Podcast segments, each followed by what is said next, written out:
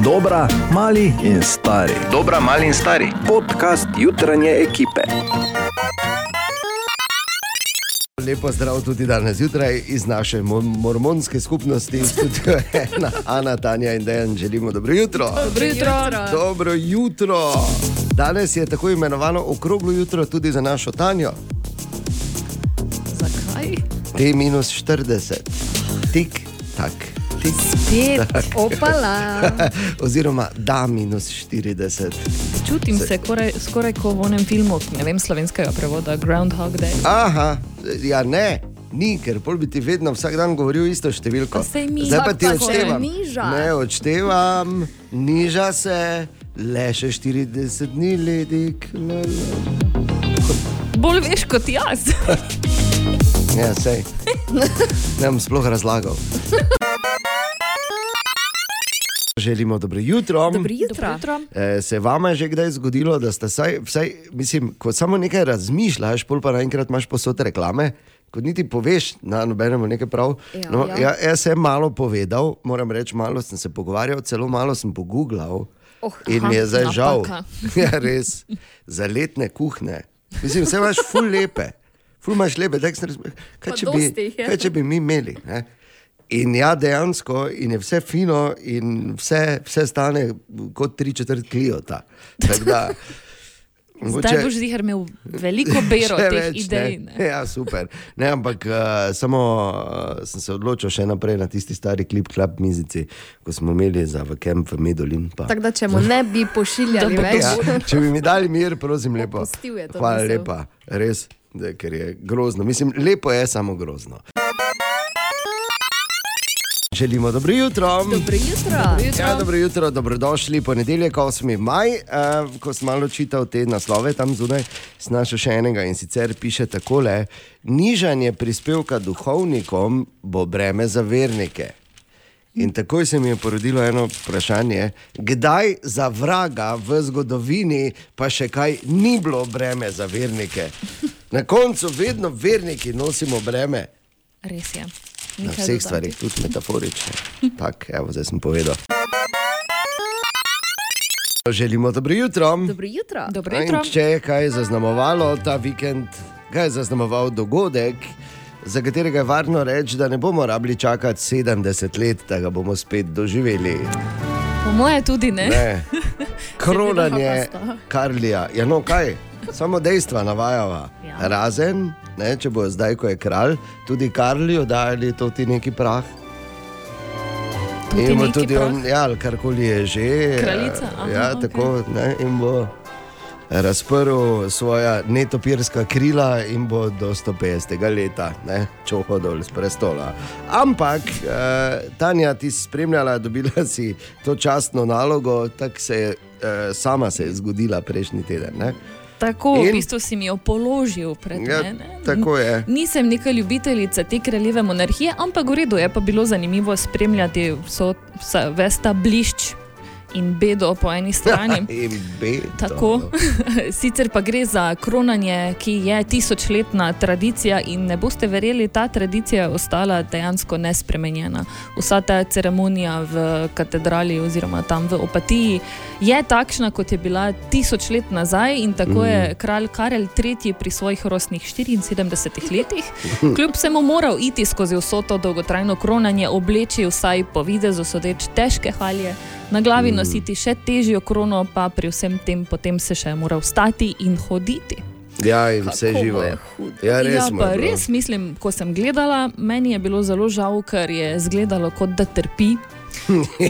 Ja, da bo čim prej konec, da Ja. lahko začne. Ne? Ne, ker se mu je že dremalo.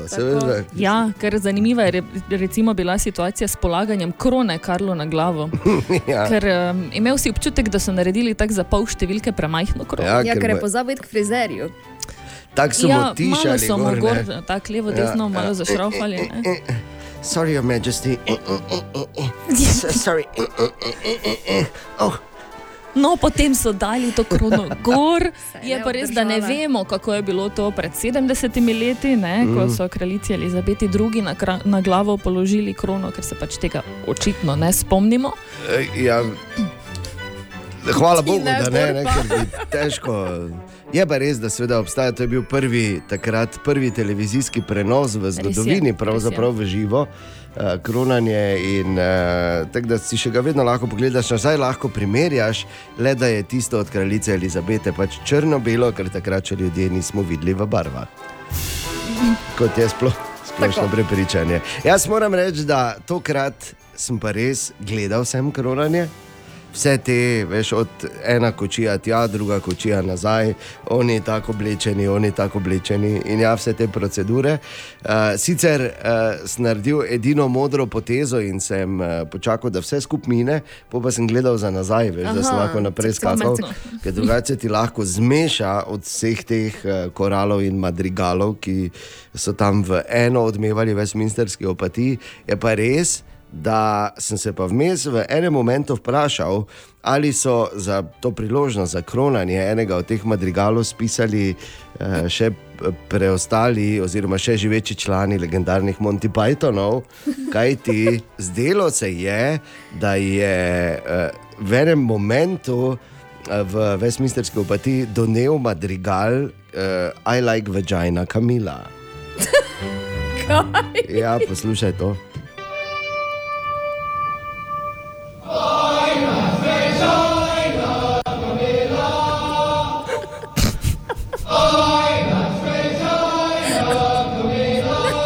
Tako da je povedal, gledaj še enkrat, da je le brez heca, to je to.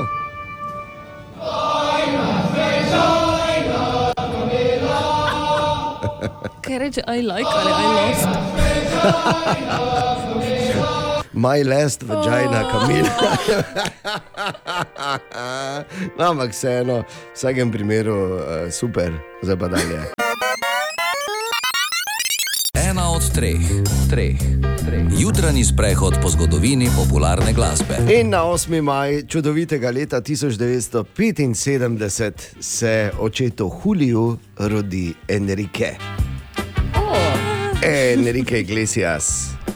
Um, edini ali pa eden od redkih, ki, uh, ki se mu je splačalo imeti, ali pa ki ima res, eh, tako bom rekel, estetsko pozitiven učinek na njega, oziroma na njegov izgled, bradavica na sredi obraza. Ne? Ker poglej, kaj je naredila za vse čarovnice v zgodovini, v ilustracijah. Nič so- dobrega, ne? Nič dobrega, bradavice, razen pri Enrikeju.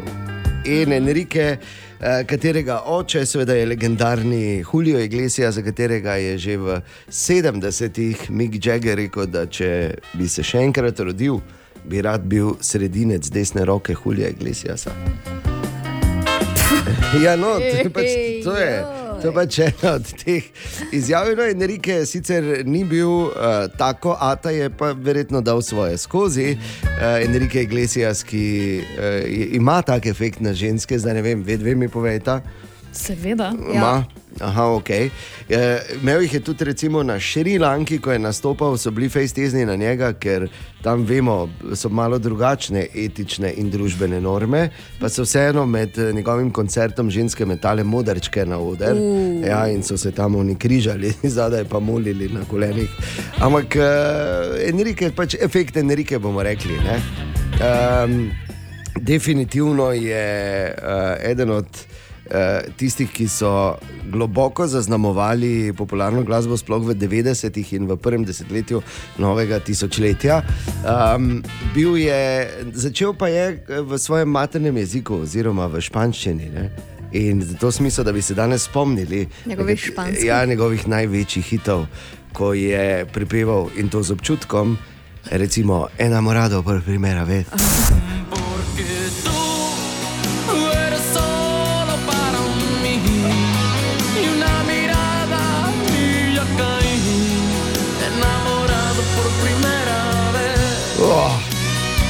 Ampak to še nič ni, to je samo uvod, kaj ti on je zapel tudi Nunca te olvidaré. Pueden pasar tres mil años. Puedes besar otros labios. Pero nunca te olvidaré. Oh. A? Da bi modrček Kaj- vrgla. Ja, no, daj. Čakaj, da snemamo. Kaj pa vibrato? Čakaj to, to so na koncertih je bilo, tam spodaj, tako da bi gledal zadaj za Tomos 4,5, če pogledaš v morje, ja, brr, veš, ko se tako vidi. Ali ima pa- bil v eni telenoveli. Ja, točno to, bravo. Istoimenski. A, la, la, la. Si, si. Ali pa ko je zapel Esperanco. Esperanza te aseguro que sin ti hoy nada tengo, que serás por siempre el ángel de mis sueños. Aquí estoy, ya me ves, suplicándote perdón. Siempre un ángel, Enrique Iglesias, danes je star 48, čestitke Enrique Ja. in hvala za vse. Pridi kaj.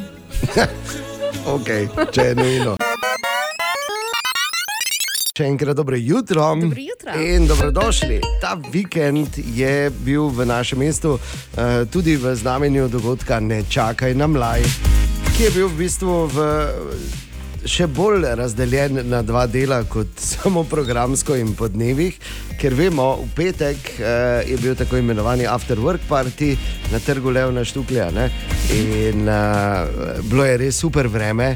In Fenomenalno vzdušje, ljudje so se imeli super, mi smo šli malo preveriti. Odlično vzdušje. eh, Jaz mislim, da bi to moglo biti vsake dva tedna, najmanj, če ne kar vsak teden, zaradi tega, ker mislim, da se ljudje sprostijo, ko grejo iz službe, lepo se podružijo, ko je lepo vreme. Da jaz mislim, da je to občina odlično zrihtala.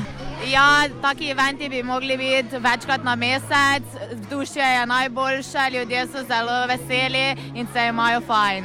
Jaz se strinjam z njo. Ja, moram reči, da je kar fajn, predvsem ko je lepo vreme, pa da na odprtem pač malo se podružijo ljudje. Pa všeč mi je tudi, da so ti senčniki, pa take gasilske mize, no, ko ponadi ni tega na teh dogodkih. Res upam, da bo čim več tega no, v prihodnje. Čuje, jaz mislim, da je ful dobro. Muzika mi je tak, tak. Jaz sem raje malo bolj domačo glasbo. Sigurno bi moglo biti večkrat, ja. Je pa super, lepo vreme je. Jaz mislim, da bi moral biti še večkrat tak. Vsak petek v bistvu bi bilo fajn. Petek, soboto, nedeljo pa počivamo. Zelo v redu, res super. Vse pohvale DJ-ju. Enako razmišljam. Jaz smo se glih prej pogovarjali, ker včasih je bila ta odprta kuhna, pa je pač nažalost več ni. Tako da se pač manjkajo takšni dogodki, ne? muzika pa to. No, evo, So pa gasilske klopi. je no, seveda. Ja. Naj samo rečem, en je hotel to delati vsak petek, pa ga niste izvolili. Toliko. No, potem je prišla sobota. Uh, In žal je tudi močno deževalo, ampak vseeno je bil trg poln na koncertu, vzdušje fenomenalno. Uh, nastopali so mi dva, San Diego in pa seveda Alo Stari. In uh, smo govorili tudi s pevcem Tiretom Matjašičem, ki je povedal, da je vseeno malo drugače, ko nastopaš doma v Mariboru. Ne? Načeloma se vsi bendi delajo tako, da ne igraš prevečkrat doma, ne? ker je pač nima smisla. Ne? Nam je bolj point, da gremo ven z Maribora. Ne? Da pač nas, kot te, ki smo zrasli gor v Mariboru, ki nas je pač mesto zgojilo, da ta, to sporočilo ne, skozi našo besedila prenesemo tudi drugam. Ne? Ampak potem doma pa načeloma je toliko boljše, da malo štopamo, pa recimo enkrat, maksimalno dvakrat igramo doma, pa je potem še toliko boljše, ne? ker tisti vsi prvinski občutki pridejo na plano. Mhm. Jaz sem spodaj. Da, kaj zdaj reš? Da, ne pridruži mir. Kaj vel tam špilaš? Pri... Veš, ko so kolegi dolje. Ne? Je pa res, da bil en, ena, je bila ena posebnost pri eh, koncertu skupine Alo Stari to soboto. Uh, ni bilo medvarja. Uh, za bobni, ne, zato ker je imel dopust in so imeli pač nadomestnega bobnarja, in seveda smo Tineta vprašali tudi, kako zdaj, ko ni medota, komu je lepše, ker medo je le na dopustu. Ne? Načeloma on zdaj tudi uživa, ne? samo verjamem, da bomo mi dosti, dosti bolj uživali. ne. Tako da, ha, tu imaš zdaj medo. Okay. Ha, tu imaš zdaj medo, to je ta zaključek. Dobrih, to si ne želite, vedno slišati. Ne? In moram reči, da sem dobil kar nekaj zanimivih eh, sporočil in vprašanj eh, na temo eh, futbola. Eden od teh je recimo Peter, ki mi je danes zjutraj pisal, kaj misliš, kaj ti o futbalu povedati. Če je težko, v bistvu, ker je bolj kot ne bilo vse povedano, ampak Moramo biti pa vseeno realni, ja, seveda se lahko o večjih stvarih pogovarjamo, ampak ko potegnemo črto, je bila to tekma dveh penalov v zadnji minuti. Mi ga nismo dali. In zato tudi nismo osvojili pokala. Kaj češ, naslednje leto spet. O, Tine! Ja, lejte ga, Tine, zdravo. Je servus. O, o, dobrodošel. Ja, hvala. Malo moramo vseeno pokomentirati, uh, ker ti si, kaj si pa ustanovil, Beli Rider, se ti si zdaj postal uradni strokovnjak za kolesarstvo Ja. v naši jutranji ekipi. Uh, torej, pričakovanja pred sobotnim kronometrom so očitno bila previsoka. Uh, ampak hvala Bogu se je to vse malo povrnilo, da se je včeraj uh, naš primož izognil tistemu To bi še zdaj rabljal, ja, drugi še. dan, da Ja, Ker vrže, je. roko na srce, ni se zgod, mislim, se je že doskrat zgodilo, ja, da je ne, čofno. Hvala Bogu. Ja, ne, kronometer je pa, ker jim je dal Ventioto, ne, če so že vitali. Tako je. Ja, lepo jim je. Ja, mislim, dolgo še je, ne. tako da jaz zdaj ne bi še eh, nekih. Eh, Ampak zdi se 43 sekund vseeno, ker, ker velik zaostanek. Ne? Ja, ampak pravim, da je še dolgo. Ne. Dobro. Vse živo se še lahko zgodi. ne. Absolutno. Enkrat ti guma pokne, pa si briti. Ne. To je večplastna resnica. Tine. Ja, no, a ja, dobro jutro. Drugače pa ne tezno. fuzbalu, samo vam rekel, sem bil tam. A, lepo, ne? Super. Lepo je celje. Fajn, ne? Sploh ko dežuje. Pa toča, pa, Pa vse, toča, pa pa sodra, vse. pa vse živo. Po policaji pa vse. Lepo, ne? So deževali policaji, lepo. Se- Običajno je tako na derbijih. Ja. Kaj imamo danes? E, nekaj je popolnoma drugačnega. In, Hvala eh, Bogu. Ne, pač čas je, ko se že sadi, ne, Ana? Kot se že raste. Fejst, No, danes zjutraj. Vidiš, to je naprej. Ampak ja, ti ne se Danes znaš. starejši ljudje pravijo, da se mora zemlja malo segreti, ne, da se pozovki pa to začne. Ja. Pozovki tak se sem začne že s paradižnikom. Aha. Ostalo je že. Ne samo povem, da je danes Pol pa, ti, zjutraj. pardon, pol pa ti zopet ne bo ratalo, pa se šokala, ne? pa mala jagode, pa Kako skupaj zopet? seserno. Ne, z jagodami ne bomo začela. Kaj si hotel poslala Da je dan, danes zjutraj mi je kazala, gledaj, da imam že male. Ja. Poglejte, baby fige. Baby Se re- figice. Se rekel, no. ok, če mi ne boš drugič pokazala metaforičnih baby figic, me prosim, počakaj, da te mine ta želja. Jaz samo ti želim, da ne bojo pankraci, servaci, bonifaci, ti malo to te figice. Ne bojo. Ledeni možje. Ne. Okay. No, Torej. Tine, kaj imamo? E, No, in eh, ko se o, tem, eh, o teh stvarih pa o zemlji pogovarjamo, ne vem, če ste vedeli, ampak v čajni žlički prsti mm. je več živih organizmov, kot je ljudi na svetu. Seveda. In zdaj vam jaz povem, da sem v soboto okrog 50 hobokov zemlje prenesel, te veš, koliko sem ljudi prenesel. Ne? Celo galaksijo, kaj si ti nor. Vrhunsko. Zanimivo. To sem soboto delal, pol pa sem šel v šef celje. Reči bi hoboke dalje. Ja, res je. res. Aha, aha, aha, aha, aha, aha, aha efekt. In danes v High Effectu Tine, dobro jutro. Dobro enkrat, jutro. Ja, eh, odgovarja na vprašanje, ali bodo zdaj, ko eh, imajo tudi uradno novega kralja, eh, v Veliki Britaniji menjali tudi slike na denarju in posod. Torej, seveda, navada je, da se slika menja. E, decembra so že naredili novi dizajn mm. z Karljem Gor, ampak pravijo v Angliji oziroma v eh, Bank of England, da eh, ne bojo eh, popolnoma eh, v redu in eh, pač denara backmetali. ne. No, seveda. Da eh, vsaj do sredine 2024 ne bo novega dizajna, vun, mogoče bojo zamenjali kakšne, ki so pač uničeni, eh, da se izognejo tem eh, udarcem, finančnim in okoljskim, ko se pač eh, valuta menja. Eh, lahko pa ga eh, greste v Anglijo, pa ga najdete na 50 penjev. Mm. Na malega so ga gor dali.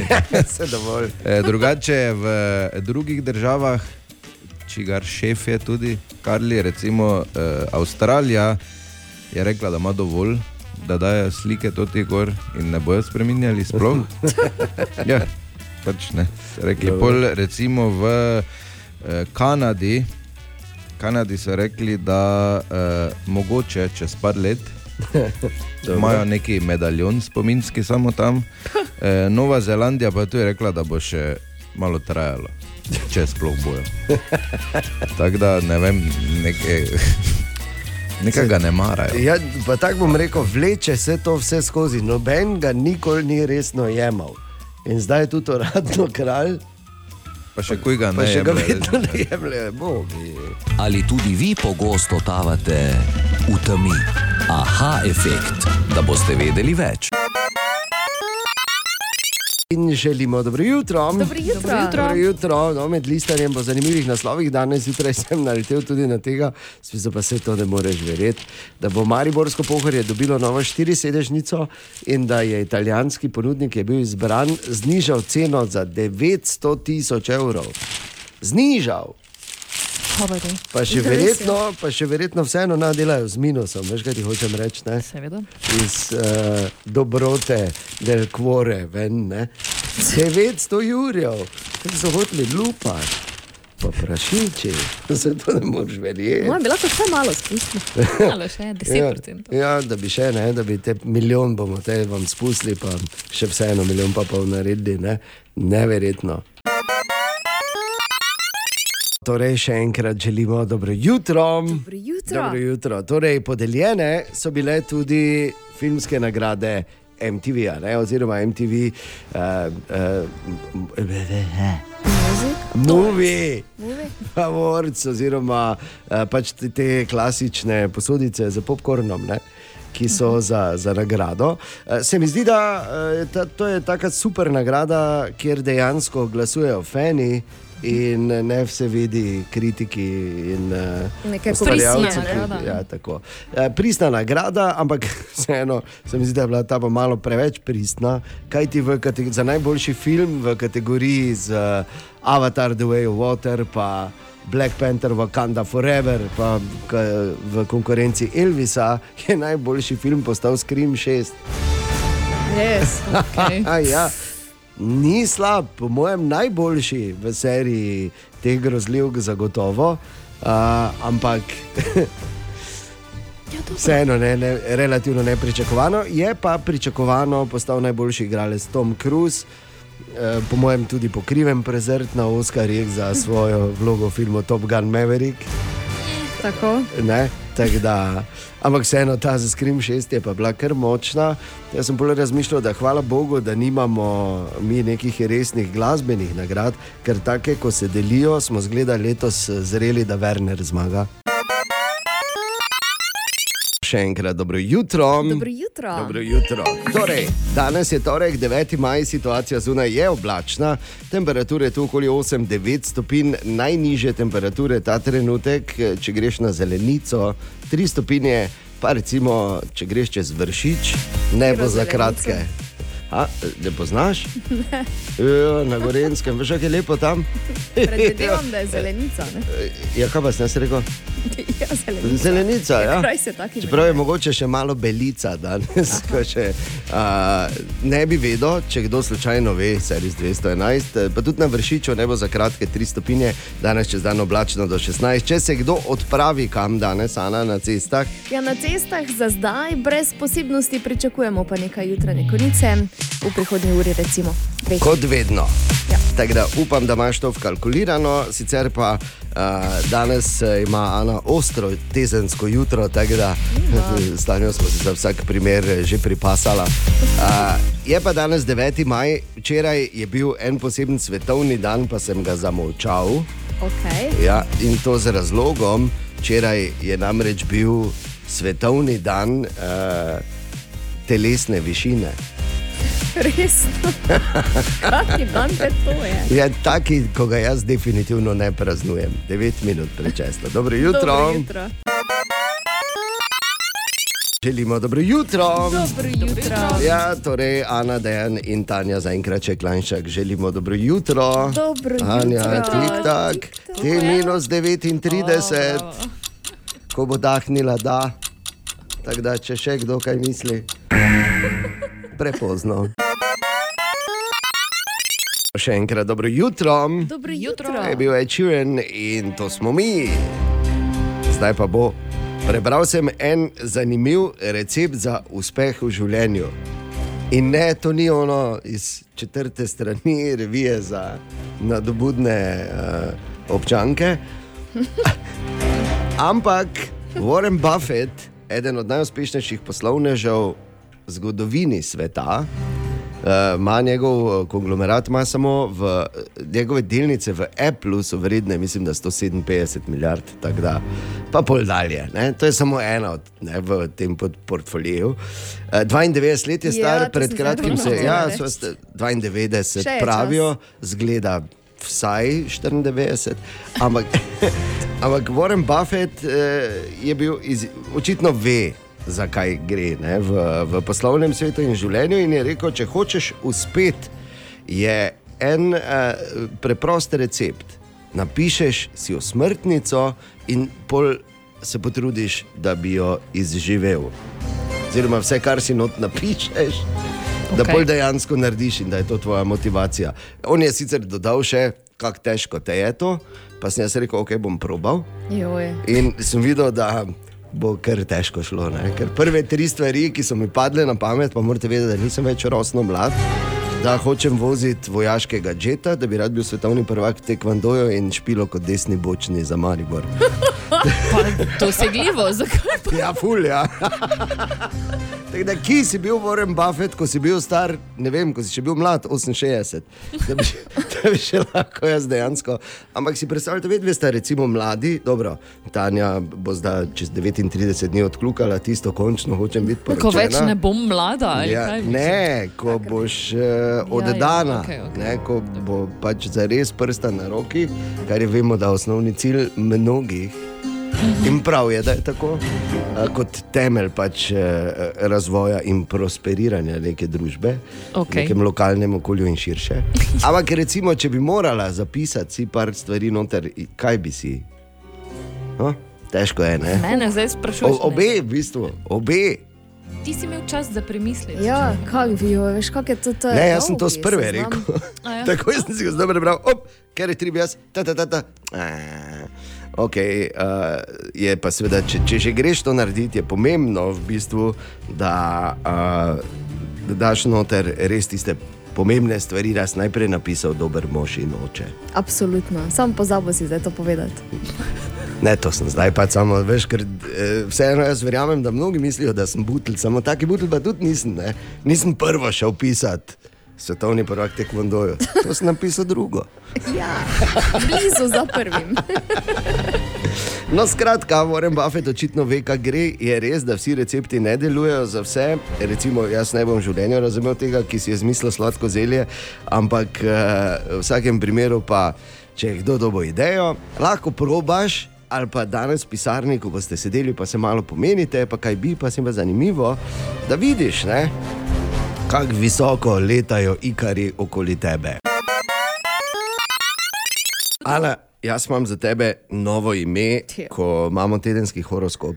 Ah, hočem slišati sploh. Ja, ja hočeš. Da Torej, to je tedenski horoskop, horoskop za ta teden. Madame Tima.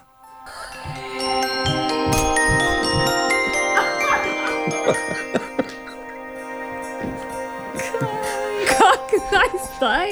Kak naj zdaj? Madame Tima. In Gled, tako se mi zdi, kot imam neki turban, se mi je naredil na Ja, glavo gor, pa glej, kroglo vseeno- imam pred sabo. Turban. turban. Vseeno bodi Ja, zadovoljna, da si imajo. Tima, ker sem razmišljal, da bi bila Madame Metalna. Lahko bi Pa bila mi- madam tam. Ne. Spet moški spol je, ne? tako da, Ja. Madame Tima, torej horoskop. Jaz, za čakaj, samo malo, da diham. Okay. Kaj nam piše v zvezdah? Oven. V službi se vam obeta veliko vznemirjenja. Ne pričakujte, da boste mirni, zagotovo pa boste naredili veliko. Trenutek bo pravi, da se premaknete tudi na čustveni ravni, zlahka boste prišli do izraza. Bik. Nekatere situacije na poslovnem področju vas bodo zmotile. Za pravočasno dokončanje nalog se boste morali bolj potruditi. Jezijo vas malenkosti, ki niso velikega pomena in zadevajo odnos med vami in vašo ljubljeno osebo. Z nekaterimi stvarmi pretiravate. Dvojčka. Za vas eh, nerealne situacije se bodo realizirale, srečajo v mnogih zadevah na vaši strani. Čustveno, v ljubljeni osebi imate tako ljubezen kot tudi prijatelja. Ne dovolite, da vam malenkosti pokvarijo teden. Rak. Da bi v službi dosegli zastavljen cilj, boste morali premagovati ovire, ki se vam bodo pojavljale v teden. Ne dovolite, da vas nekateri ljudje vržejo iz tira, vaše razpoloženje in občutki do partnerja bodo zelo različni. Lev. Čutite pozitiven zagon in poskušali boste narediti vse, s čimer ste do sedaj odlašali. Partner vam lahko zameri, da preveč časa posvečate prijateljem in družbi. Premislite, ali ima morda glede tega vendarle prav. Devica. Zavedate se, da vam je uspelo pravočasno dokončati veliko stvari, ki so bile za vas zelo pomembne. Nekdo vas lahko kritizira, ampak brez pravega razloga. Proti koncu tedna se lahko zgodi čustveno srečanje, po katerem ste sicer že dolgo hrepeneli in poudarjene bodo strasti, ki jih boste pa težko obvladovali. Tehnica. Nekdo želi dogovor ali stik z vami. Ne kalkulirajte in ne razmišljajte preveč, ampak pogledajte, kaj vam nasprotna stran želi ponuditi. Na čustvenem področju bodo uh, pobudo prevzemite sami. Ok, Ne? zmenjeno. Škorpion. Z lahkoto se spopadate z vsemi situacijami na poslovnem področju. Tisti, s katerimi delate ta teden, imajo lahko občasno manj potrpljenja z vami. Prezaposleni ste, nekoliko utrujeni in ni gotovo, ali boste uspeli spoštovati dogovor s čustvenim partnerjem. Strelec, Tanja, poročili se Tanja, boste. ti- Ja, ne. Pazi, piše čez 39 dni. Tako. Ne samo, da ste se pripravljeni prilagajati poslovnim okoliščinam, ampak ste tudi sami inicijativni, borbeni in pripravljeni storiti vse, da uspešno opravite naloge. Nekdo vas bo prijetno čustveno vznemiril s poročili. Da? Kozorok. Nimate prave podpore, podpore tistih, s katerimi tesno sodelujete. Stvari bodo delovale le, če boste dali vse od sebe in jih spodbujali. Iz dneva v dan se vedno bolj povezujete z neko osebo, čust, čutili boste veliko bližino in naklonjenost. Vodnar, vse težave rešujete hitro, poslovne obveznosti pa vam ne bodo delale težav. Le v stiku z nadrejenimi boste pripravljeni prisluhniti. Zelo ste odprti za stike z nasprotnim spolom, eh, uživali boste tudi v družbi bližnjih ljudi. In pa ribi, na poslovnem področju bo v tem tednu nekaj zelo dobrih in pozitivnih sprememb. Nekatera vprašanja, ki se vlečejo pod narekovaj že dlje časa, bo zdaj mogoče rešiti. Ljubljena oseba pa vrača pozornost, ki jo izkazujete. Pred vami je lep in izpolnjen teden. Madam Tima, hvala lepa. Z veseljem. Želimo dobro jutro. Dobro jutro. Ja, debata, ki se ji ne moreš izogniti v teh dneh, in uh, jaz mislim, da je seveda prav tako, je umetna inteligenca. Če je GPT in črna prihodnost, ki se nam obeta na vseh področjih. Seveda ne bi kazano očitno, ampak eni smo tako v debatah na te stvari opozarjali že nekaj časa nazaj, ampak zdaj se je to začelo dogajati. To je ta klasični klasični način za velike spremembe, tehnološke spremembe v družbi, da se vse skozi odvijajo, uh, in ko jim uh, ne posečaš pozornosti, pač ne veš, kako hitro, pol pa so naenkrat tu. In ti momenti, te disrupcije so seveda vedno hitrejše in vedno pogostejše. In uh, ta, to kognitivno računalništvo bo zagotovo precej spremenilo realnost, kot jo poznamo, in jo že spremenja, in na nek način bo seveda treba resno razmišljati, kako lahko uh, vse to se implementira v delovne procese, kjerkoli že si, ker sicer se kar lahko zgodi, da nas bo kar nekaj odveč. Ampak. Fras je naredil eno zanimivo raziskavo uh, na temo umetne inteligence v muziki, ker to pa zdaj počasi tudi več ni hec. Marko. Pesem In the End, original uh, je od Linkin Park, poznamo, ne? posnela sta ga Chester Bennington in Mike Shinoda. S pomočjo umetne inteligence pa so izbrisali Chesterja in Mikea ter dodali recimo preminulega Kurta Cobaina in pa Kendrika Lamarja, tako zveni. Once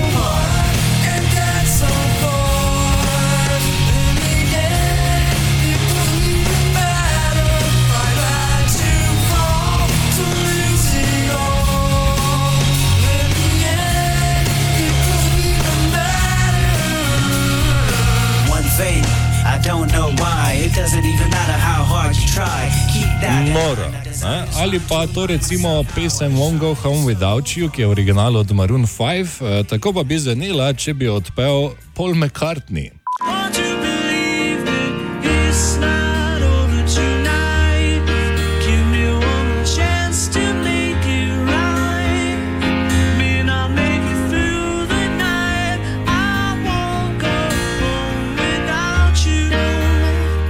No, tega ni Paul McCartney pel, ampak je to nekdo naredil doma na računalniku s pomočjo umetne inteligence.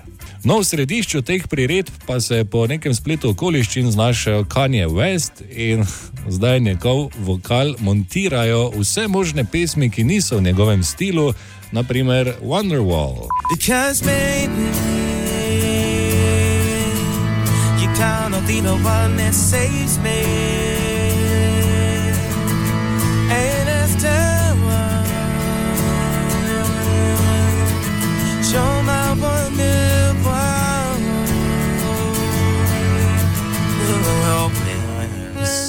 Skrbi me, ker dobro zveni. Ne?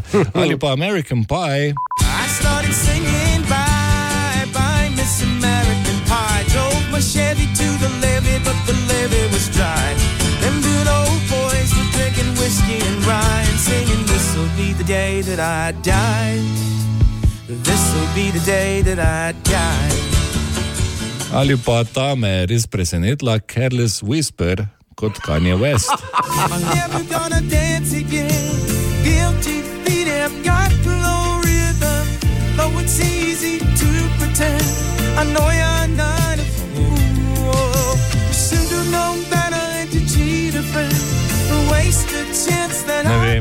kolikor mi je to zanimivo in neverjetno mi je tudi grozno in strašljivo, kam bo to šlo, kdo še bo sploh pel, kdo še bo igral, bodo vsi preminuli glasbeniki izdali nove albume s pomočjo umetne inteligence, kaj bo, kaj se bo zgodilo. Ja, to je dobro vprašanje in s tem se že precej ukvarjajo uh, odgovorni, sploh pri založbah ki, založbah, ki jim grozi, da bodo postale enostavno odveč, ker zdaj bodo v ospredje stopili še bolj distributerji, kot so Spotify, Apple Music in uh, tako naprej. Dejstvo je, tri sekunde posnetega vokala je dovolj. Da lahko z njim naredijo Čakaj. karkoli želijo. Kaj se da tudi, da če nimaš posluha, da lahko poješ? To se je dalo že prej. Ampak zdaj. To tako ni, to je od avtotuna naprej. Razvetela. Ampak dejansko je, je to kar resna težava in bo zanimivo spremljati. Je pa glasbena industrija ta trenutek pred eno od večjih disrupcij. Če pogledamo, da se je komaj pobrala po Napsterju oziroma MP3-jih in vsem ostalem, do streaminga je bila katastrofa. Kaj pa bo zdaj in kako bo z uh, avtoricami in avtori? Zelo, zelo temeljna vprašanja. Torej, uh, zagotovo pa mislim, bomo v vsakem primeru imeli uh, AI in skupine in glasbenike. Vprašanje pa, če bodo pač taki štosi, kot so zdaj, ko Kanye West poje, ker le zvisper in meni gre na kozlanje. Mislim, če bo to kaj drugega kot samo hec. Bomo videli. V vsakem primeru pomembno je o tem razmišljati, pomembno je vedeti, da bo to, oziroma že postaja, ali pa je že bilo včeraj realen del teh naših delovnih procesov in da se stvari avtomatizirajo. In da je pametno biti tam, kjer avtomatizacija ne bo na tak način posegla v, v delovne procese oziroma v službe. Se pa bo zgodilo in uh, še samo ta kratka misel. Pomembno je, da o tem razmišljamo, da se o tem pogovarjamo. Slabo je, da seveda zganjamo paniko, ampak če se nas bo čim več o tem pogovarjalo, bodo končno uh, se verjetno zganili tudi tisti, ki bi se morali v državnih zborih in uh, regulativnih hišah po celem svetu, ker to pa nujno rabimo. O, Tine! Tine, dobro jutro. Dobro jutro. Oh. Oh. Oh. Madame Oh. Tima, veš. Madame Tima, ja. ja uh, referentka za astrologijo v jutranji Če pa si ekipi. ne rekel, naj si borosanke, oboje pa tako. Oh. Koliko sem šla gledat, kaj to je, hvala Bogu, da nisem vedela in nič ne zamujam. Ali pa tiste lepe, ne, iz lososa, ko si rekel, enkrat, da bi Dobro, to se mi je Peter malo Wagner. ponesrečilo. Tiste bi ti pasali. Lososa. Ena druga žival je bila. Ja, Los, s korenom. ki ima dejansko usnje, ne losos ga. Nima. Kožo pa ima. Kožo ima, ja. Ja, vidiš, lahko bi Mm. imel roza. Vredo je, o, če že Šlapek. je oranžna, ampak pusti. No. Tine, kaj bomo Zakaj- rekla? Zakaj toneš Res. dalje?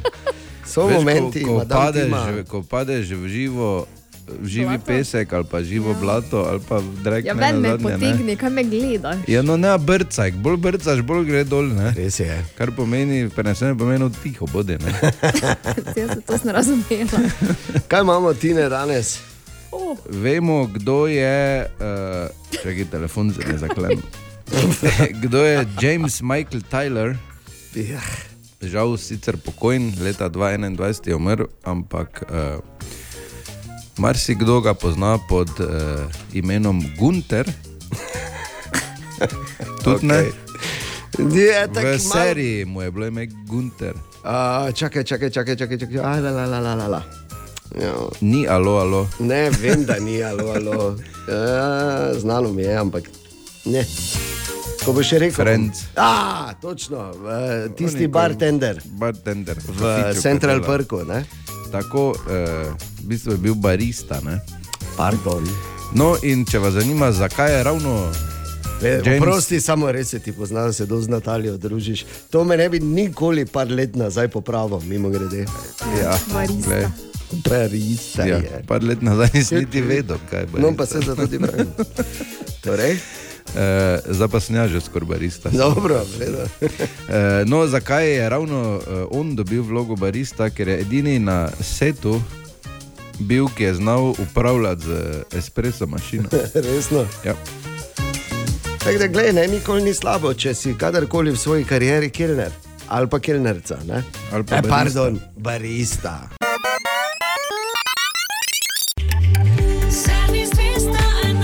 In tu so aktualni, a ja, ne, pardon, vprašanje za High-Effect. Tine, zdravo. Nekaj sem si zamislil, po tej Ja. zadnji debati in povem, kar Ja. šlo. Okay. Se Ani se vzi. Ja, Ana nas je Se čist v bistvu. Vlažen.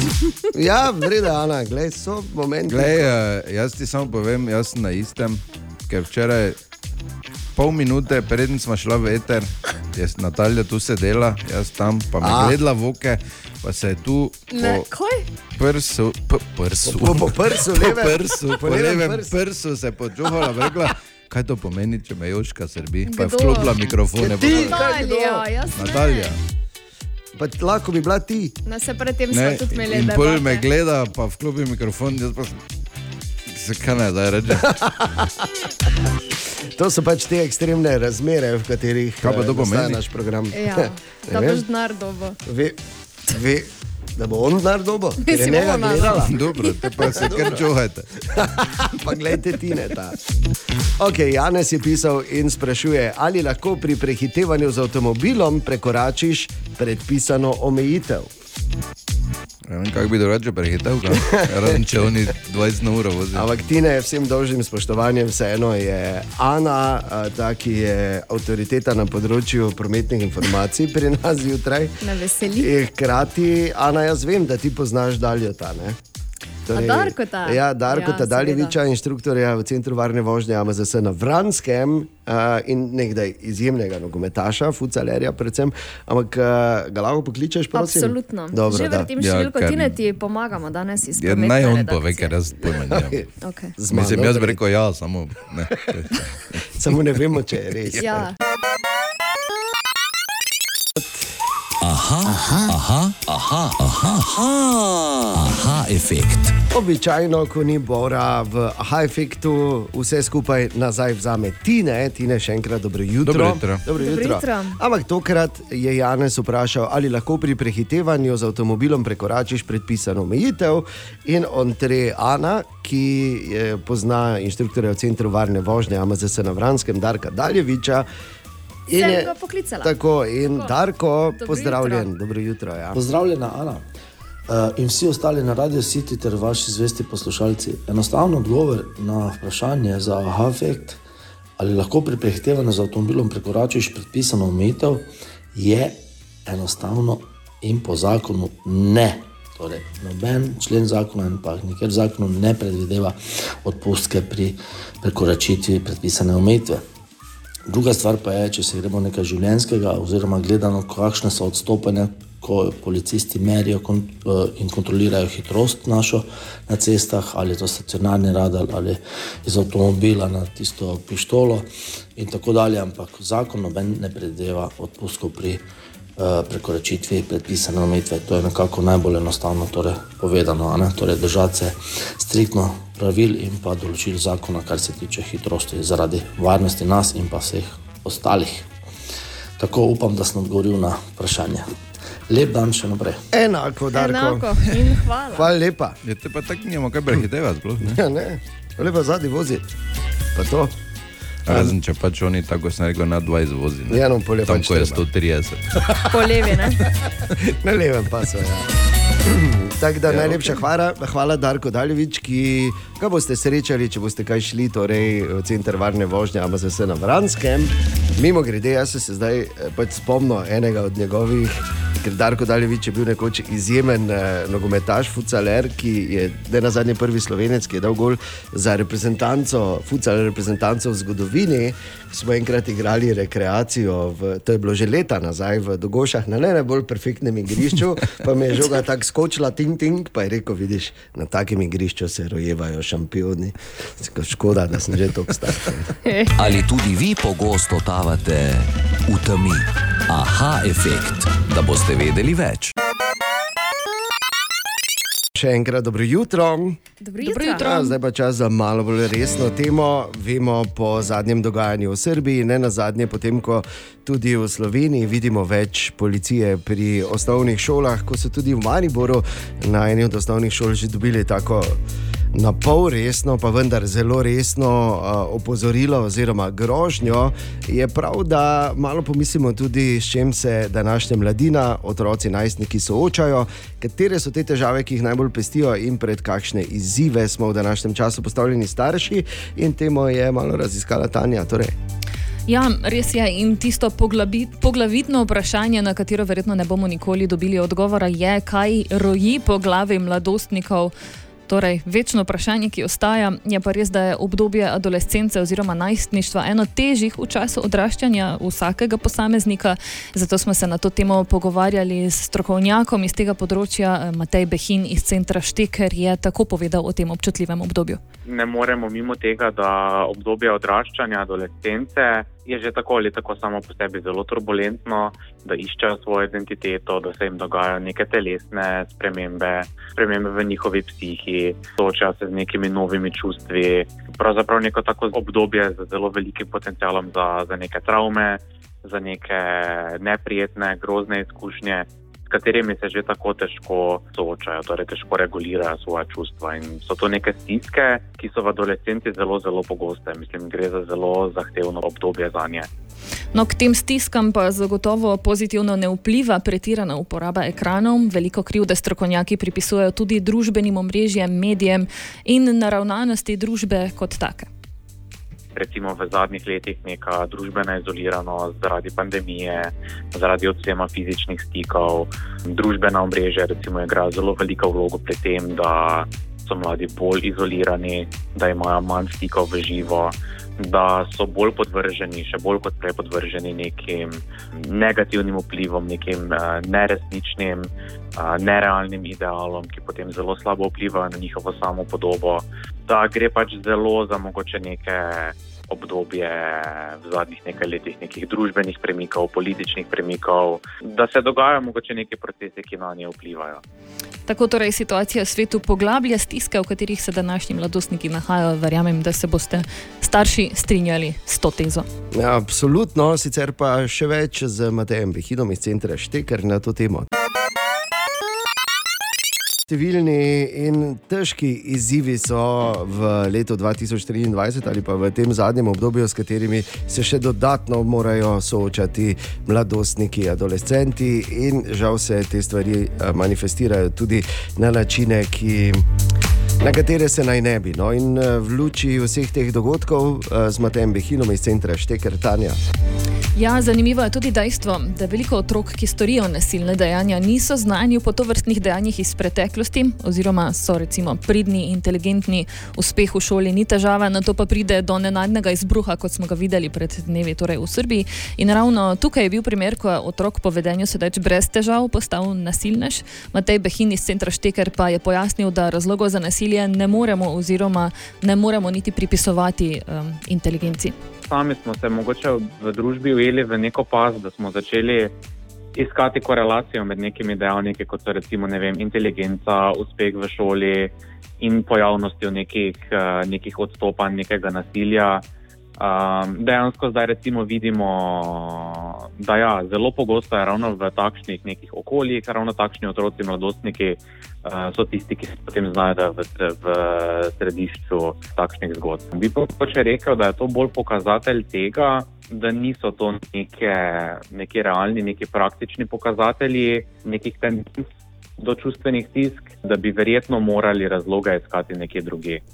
So pa ti časi, v katerih živimo, zagotovo izziv za marsikaterega starša, kar se vzgoje tiče. Vzgoja otrok je namreč težja, kot je bila morda pred desetimi ali dvajsetimi leti, s tem se strinja tudi Behin. Zagotovo je recimo, življenje veliko bolj zapleteno, kot je bilo že v obdobju, ko so recimo, odraščali starši teh otrok in mladostnikov.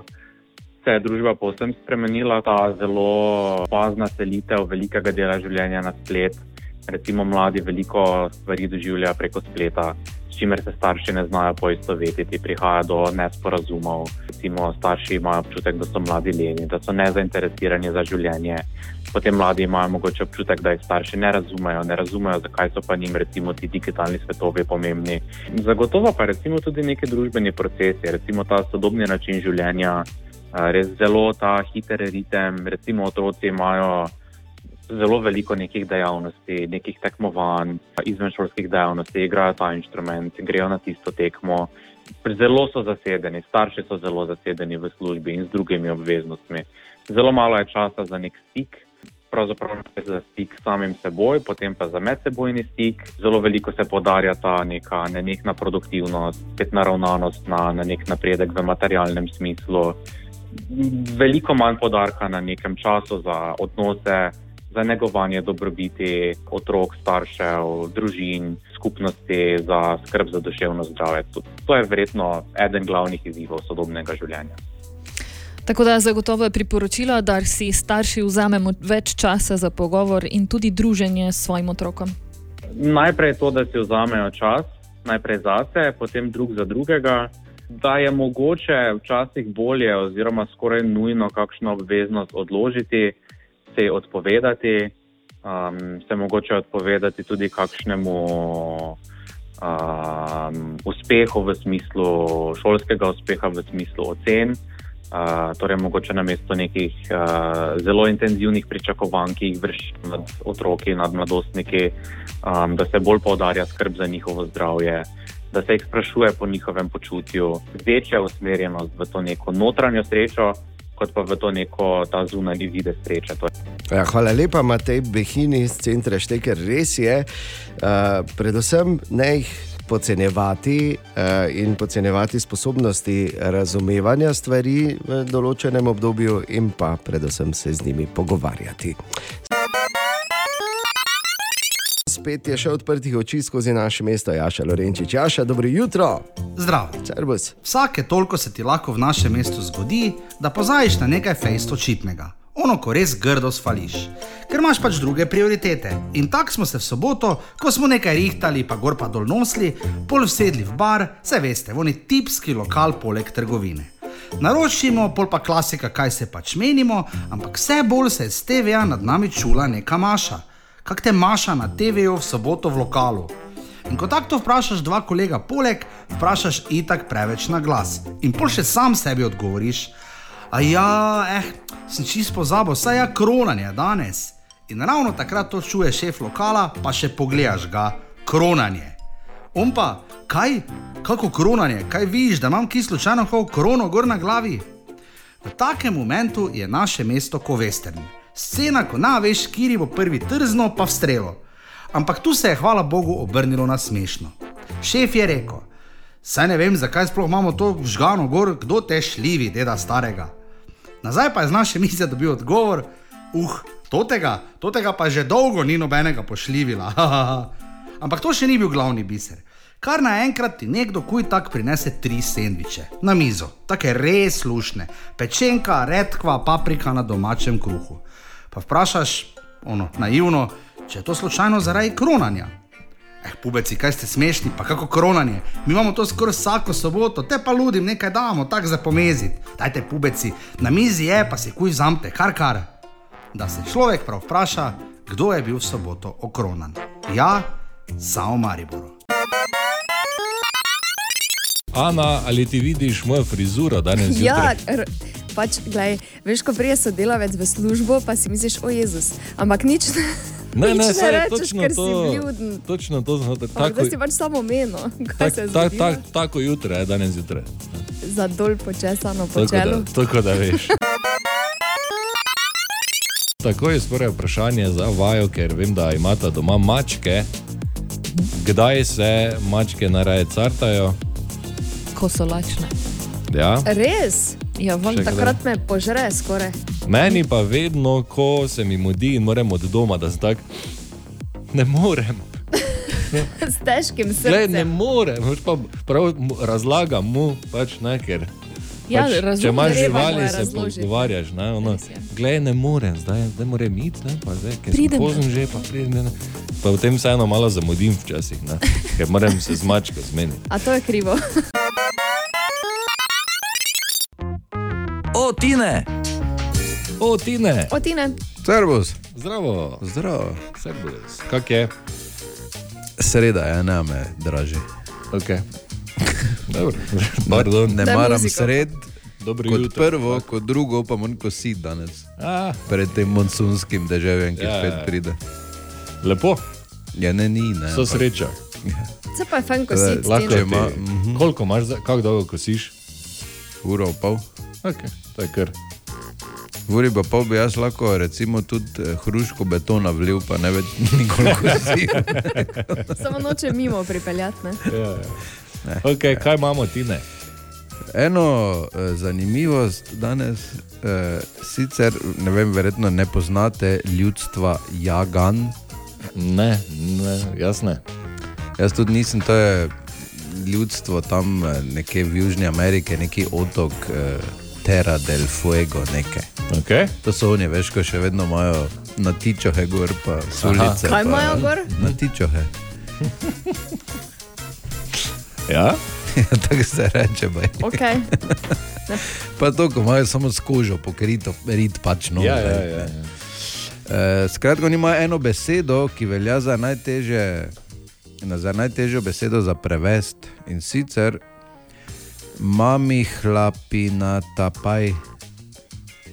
Ja.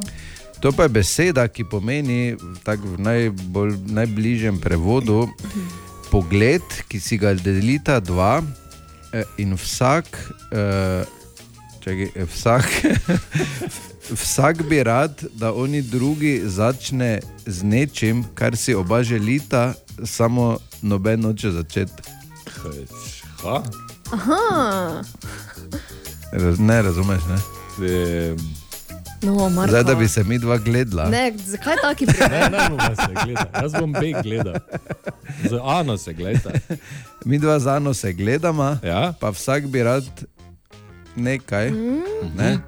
Po pa se gledamo, eh, samo noben noče začeti. A, ok. Se Šlateka. temu Torej. reče, ja, priložnost Ja. zamujena, ne vrne se Ja, nobena. šlateka ne. pač ne. Ja, oba skupaj. Dobro, zanimivo. Hvala pa še tebe čakam. Kaj? Nimaš ti? A ja, ne, lahko pa ti povem eno zanimivo. Ja, čakam. Včerajšnje Eurovizije. Hrvati so naprej, ne? Ja, to ja. Uh, mislim, da so bili Irci, ki so me presenetili. Ker Ja, je bil, gledal to? Ja, ker je ja. bil Ja. glavni pevec, uh, je bil oblečen v celotno zlato obleko, prav enodelna zlata obleka je bila. In, eh, Kombinezon. Ja, uh, ki se je svetlikala, in pač v tem spodnjem predelu ne, si ni nič dal noter, ne, da bi zavaroval, pa mu je gor zlezlo. Ne. mu je razpolovilo možgane in je imel. Če veš, kaj mislim. V angleščini Na- temu rečejo mangina. Ne? So prišli dalje? Ne. Škoda. da bi lahko videl. Ja, ne, da vem, kako bi dalje. Ne? Veš, veš, no, en Stopnjevati korak je naprej. treba, ne. ne? Ja, Mangina skratka, je zagotovo je že 700 tažen posnetkov. Da zdaj eh, grem jaz to tako Da si pokaži mi, poglejte, ja. Adijo. Vi dve torej niste gledali Eurovizije. Ne, jaz sem malo poklikala danes po spletu. Ja. In je to in sem to. videla, da so Hrvati poharali svojo. Ja, Slovani so šli naprej, Ja. ja. Hrvati so šli, Srbi so šli, Čehi so šli. Uh, ampak jaz, eh, jaz gledam, ne vsako leto, gledam pa samo z enim razlogom Eurovizijo in ta razlog se imenuje Andrej Hofer, A, komentator. komentator. ne? To je edin, edini, ne zanimajo me, kdo kaj ja, glasuje, kdo je zdaj politično, kaj je kuhna, kaj glej, vseeno mi je. Meni je samo smešno, ker on uh, pač komentira in vedno dodaja zraven neke svoje. Okej. Vedno ima nek, neki stavek, ki ga doda zraven. Popra. In uh, včeraj sem si jaz vse te pribeležil, ne, ko jih je vmes uh, spustil ven. ne. Tako da, če ste pripravljeni, brez konteksta in vsega, vam bom samo prebral Oj, oj, te njegove stavke. Čakaj, ti si gledal, pa si si pisal zraven. Ja, veš, to Ja, pre, pre, predanost delu. Temu ne. se reče Daj pripravljenost. To je ne, pravi novinar. ne, Okay. pa to. Tako. Okay, uh, stavek ena. Mali Liverpooljen sporoča informacijo o Euroviziji v Liverpoolu. Liver kaj? Liverpooljen in to ni pes, ampak je bil mali deček iz Liverpoola. Li... Liverpooljen. Eh, okay. Okay, pol, eh, preden se je pričelo, ne, upam, da ste si pripravili hrano, ki vam ustreza, pijačo, ki vam ustreza, partnerja, ki vam ustreza, psa, ki vam ustreza, vse stvari. Bravo, tako lepo je zaokrožil. da tako zbirati, pa to. Partnerja, Ja. ki vam ustrezajo. tako Ja, ja, dobro je. kar, ne. Naslednji, več kot 21 milijonov, tu je bila tako dolga pauza in potem je rekel: streamov, lepa slovenska beseda. Ker se ni mogel spomniti. Poglej, Andrej, razumem te, ne, tudi dosti kratko nekaj govoriš, pa si tak, če kaj že, pa ne veš. Ne? Uh, naslednja, ko je pač Srbija nastopala in mimo grede v srpskem nastopu, edino, kaj sem razumel, ker je bilo vse tako. Ja. Samo mi se spava, edino, kar sem slišal, okay. razumel. In potem je Andrej komentiral, samo mi se spava. Ne bi bilo slabo, če bi v posteli tudi ostal. Ni dal točke Srbiji. Torej. Mislim, ne vem. glej. Pol je bila ena naslednja in pač tam, ko se predstavljajo, pa to ima vsak nekaj. No, Ona je pokazala z roko, kao, ne, eh, pridi sem. Ne. Aha. On pa pač komentiral, come to me, baby, je pokazala z desno roko. Zakaj? Jo, to kot tako vem, zameš. Ja, ja, ja. Ja, še Uh, toliko naslednji stavek, evo, tega, tega pa sploh ne bom povedal konteksta. Mimi ima muco, Mimi cat. Naslednji. V zlato bo oblečen glavni frontman. In sem razmišljal, kje je pa te, ni glavni. stranski front? Pa zadnji frontman, pa oni frontman. Drugi pa toti, so ne. frontmen. Ja. uh, to potem imamo še enega naslednjega in sicer uh, dobro se je raztegnila, nekateri ste si napasli oči, zdaj pa zaprimo usta nazaj. In je vzel robček ter Uh, obrisal. potem sta bila uh, mladeniča iz Azerbajdžana in je ome, uh, komentiral, komaj 20 let imata ta dva mladiča z mozolji. Pa najboljše je, ker nista imela mozoljev sploh, Okay. Pa ful sta bila podobna Ladatu Bizovičarju. Tako da smo se prav spraševala na kavču, da ni ki on ne, pod krinko. Vse je Eh, mogoče. Ja. Pol je bil e- eden komentar, hvala, ker sta nehala. Prav pogovarjajo se, jaz z njimi. ne. Ja, ja, ja. Ampak on to tako reče, ne? hvala, ker sta nehala. Brez nekih. Ne? Um, okay, še dva imam. Že zeleni nohti nakazujejo, da je možakar nepredvidljiv. Ja, tako je ponovadi. Ja. Ko prija kdo z zelenimi nohti mimo, je to prva misel. In možakar. Ja, Možakar. in za uh, voditeljice, ki so bile tri, uh, pač ena, ko je bila na, na, na levi, Ališa, ne vem, kako se piše, pozabo. Skratka, uh, poimenoval jo je, ker je morda tudi pozabil njeno ime, gospa Pentlja na levi, ker je imela tako veliko pentljo uh, na, Na obleki. obleki. Ja. Tako da, Ja, plus to, za iznajdljivost, ne? ja, to je moja tradicija, kar se tiče Eurovizije. Uh, rad poslušam Andreja, ko govori takšne in drugačne. Če bi. Eurosong naslednjič bil ne takrat, ko je Liga prvakov. Pa dobro. Ja. Lahko za nazaj gledaš, kak ti paše. Ne? To je tudi res. Ana, Tanja in Marko želimo dobro jutro. Dobro jutro. Dobro jutro. In tukaj je Tanja Klanščak, zvezda jutra. Namreč Tanja prejela si klic. Že kdo omenil uh, vaši Tanji, ampak jaz zmeraj, ko jo slišim, se spomnim na uh, mojega malega ponija, ker je ona notri dala glas. Zdaj pa ne vem točno kateremu poniju več, ker je že ta en čas, ker sem jaz to z mojimi nečakinjami gledala. Ampak se zmeraj spomnim na, na, na mojega malega ponija, ko slišim vašo Tanjo v, v etru. Jej, Jej, Tanja. bravo, Tanja. Zdaj pa povej, kateri Kje? poni si bila. Rainbow Dash. Rainbow Dash. Okay. Ni imel prevoda, ampak kaj, maurični poni. Ja. Boš uh, dala Ne, ne bom en stavek, daj no. Daj, prosim. Daj no, Tanja. Ne, če pa je tako isto, kot Daj, tako no. govorimo, A očitno, tako tako si da ni problema. Ne, malo drugače. No, daj no. Daj no. Ma, to je isto kot, Tanja, ja, daj ti no. si iz Pelegije, daj povej en stavek v tvojem jeziku. Ja, povej nekaj. Daj no. Ne, v redu Lahko si prleški poni. Ne. Poglejte si, kjerkoli je to dostopno, drugače pa hvala lepa. Rainbow zelo Dash. veseli za ob- oboževalce. Okay. Te pa nič, tako si. Če je kaj jasno, je danes Maurice ne bo, eden od obeh pogojev bo in sicer dež, ne bo pa sonca. Tako da Maurice danes jih ne bo, temperature zunaj okoli 11-12 stopinj, deževalo bo čez dan, že zdaj rahlo dežuje po našem koncu Slovenije in do nekje 12-13 stopinj tudi čez dan. Kaj pa če grem kam danes, Ana? Zaenkrat brez večjih posebnosti je pa mokro zunaj, tako da vseeno dodatna previdnost ne bo odveč. Absolutno, da ne. In tu je ena zgodba, eh, da niso vse stvari glih tak, ne, da ni vse lepo, kar je lepo, pa, pa čeprav tudi se ne bo začelo z lepim. Okay. Spoznajmo Cory Richins, to je pač ena američanka, ki je par let nazaj, uh, kot uh, mati dveh otrok, uh, so izgubili očeta. Ne? In ko so otroci žalovali, je ona uh, vseeno napisala mm, eno otroško knjigo o žalovanju, da bi pač pomagala svojim otrokom, zelo plemenito, naslov je bil Are You With Me, in je postala mednarodna uspešnica. In kaj so zdaj ugotovili čez dve leti? Ker je naredilo tok tok po vratih in so rekli, Kori, you are under arrest. Da je v bistvu ona zastrupla svojega moža. Zakaj si to povedal? zdaj? ja, no, če nismo mogli verjeti, ko sem bral, se, wow, pa smislo vidiš, take ste. Pa daj, daj. Ja, ja. Pardon, se vem. Jaz sem se čisto pa Ampak zdaj. Ja, pa če ti pravim, glej, uh, vse za dobro knjigo. Ne?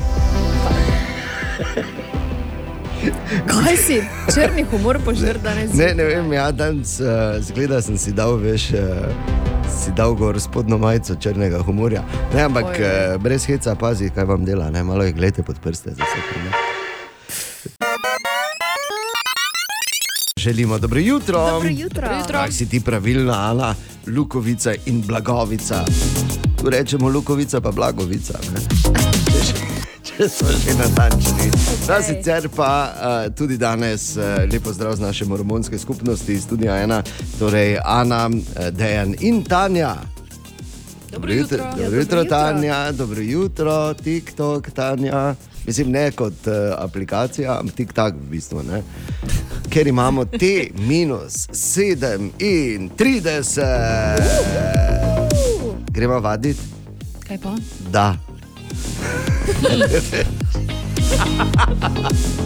A, sicer pa je danes 11. maj, danes je ta dan za Joker Out v Liverpoolu na Eurosongu danes, torej še drugi polfinale, v katerem nastopijo tudi naši pubeci, več o tem čez dobre tri minute. Ne toliko uh, o tem, da bodo nastopili, ker to vemo, ampak eh, so številna razmišljanja povezana tudi s tem. E, v vsakem primeru bomo držali pesti uh, za naše pubece. Ne? To je neke Absolutno. vrste generalka, tako bomo čez 7 Bojan, minut. dobro jutro. Dobro jutro, Bojanja, cvetičanin. Drugače pa bomo, uh, to je tudi generalka neke vrste Tanja. Ja, jaz bom držal pesti, tako kot bom čez 37 dni. Še enkrat dobro jutro. Dobro jutro. Dobro jutro. Torej, kot rečeno, danes v Liverpoolu še drugi polfinale Eurosonga. Izjemno, izjemno pomemben večer je to za nas. Pravijo, da naj bi imeli Joker Out tudi neke možnosti, da bi celo osvojili ta drugi polfinalni večer uh, na nekih stavnicah, ki jih v vsakem primeru tišijo v finale. Upajmo, da bo no, tako. Kaj dajmo? Uresničiti ta. A ja, ok. Ja, no, samo se veš, kakšne so stavnice. Ne? Ja. Veš, Ja, kaj so že vse ljudje stavili, pa koliko krat smo jih razočarali, ne Tanja? Ja. Samo pač povem. To si zdaj mogla reči, veš. okay, Vedno ste kaj vznemirjeni, Ja, meni so oni precej všeč, tako da ja. mm, bi rekel. Mm. Dobro jutro, Bojan, te- drugič. Za, za te bojbende. ne. Ti si imela to smolo, da si se rodila da v tistem delu 90-ih, da si bila premala, da bi dejansko lahko pila iz uh, bojbendovske čaše, če me A, razumeš, sem, veselja, sem. a si pila. Ja, sem. Medtem ko Tanja dosti bolj pragmatično spremlja te stvari. Ne?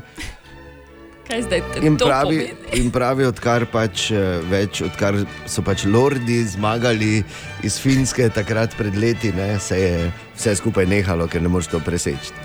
To je res, ja. Ampak tudi pubeci so sami vznemirjeni pred današnjim nastopom. Malce nehvaležno je govoriti o, o, svoji, o svoji uvrstitvi, ampak um, kolikor smo dobili um, odziva od naših oboževalcev in od ljubiteljev revizije nasploh, so zelo, zelo zadovoljni z našo pesmijo. In, um, to, to je pa tudi najbolj najbolj pomembno. V bistvu, bolj kot uspeh na reviziji, nas zanima prihodnja pot, um, kakšna evropska turneja bi nam zelo lepo uh, prilegla. Smo pa dobili že prve koncerte, poprašanje za koncert v New Yorku. Recimo. Pa tudi po Balkanu planiramo poletno turnejo.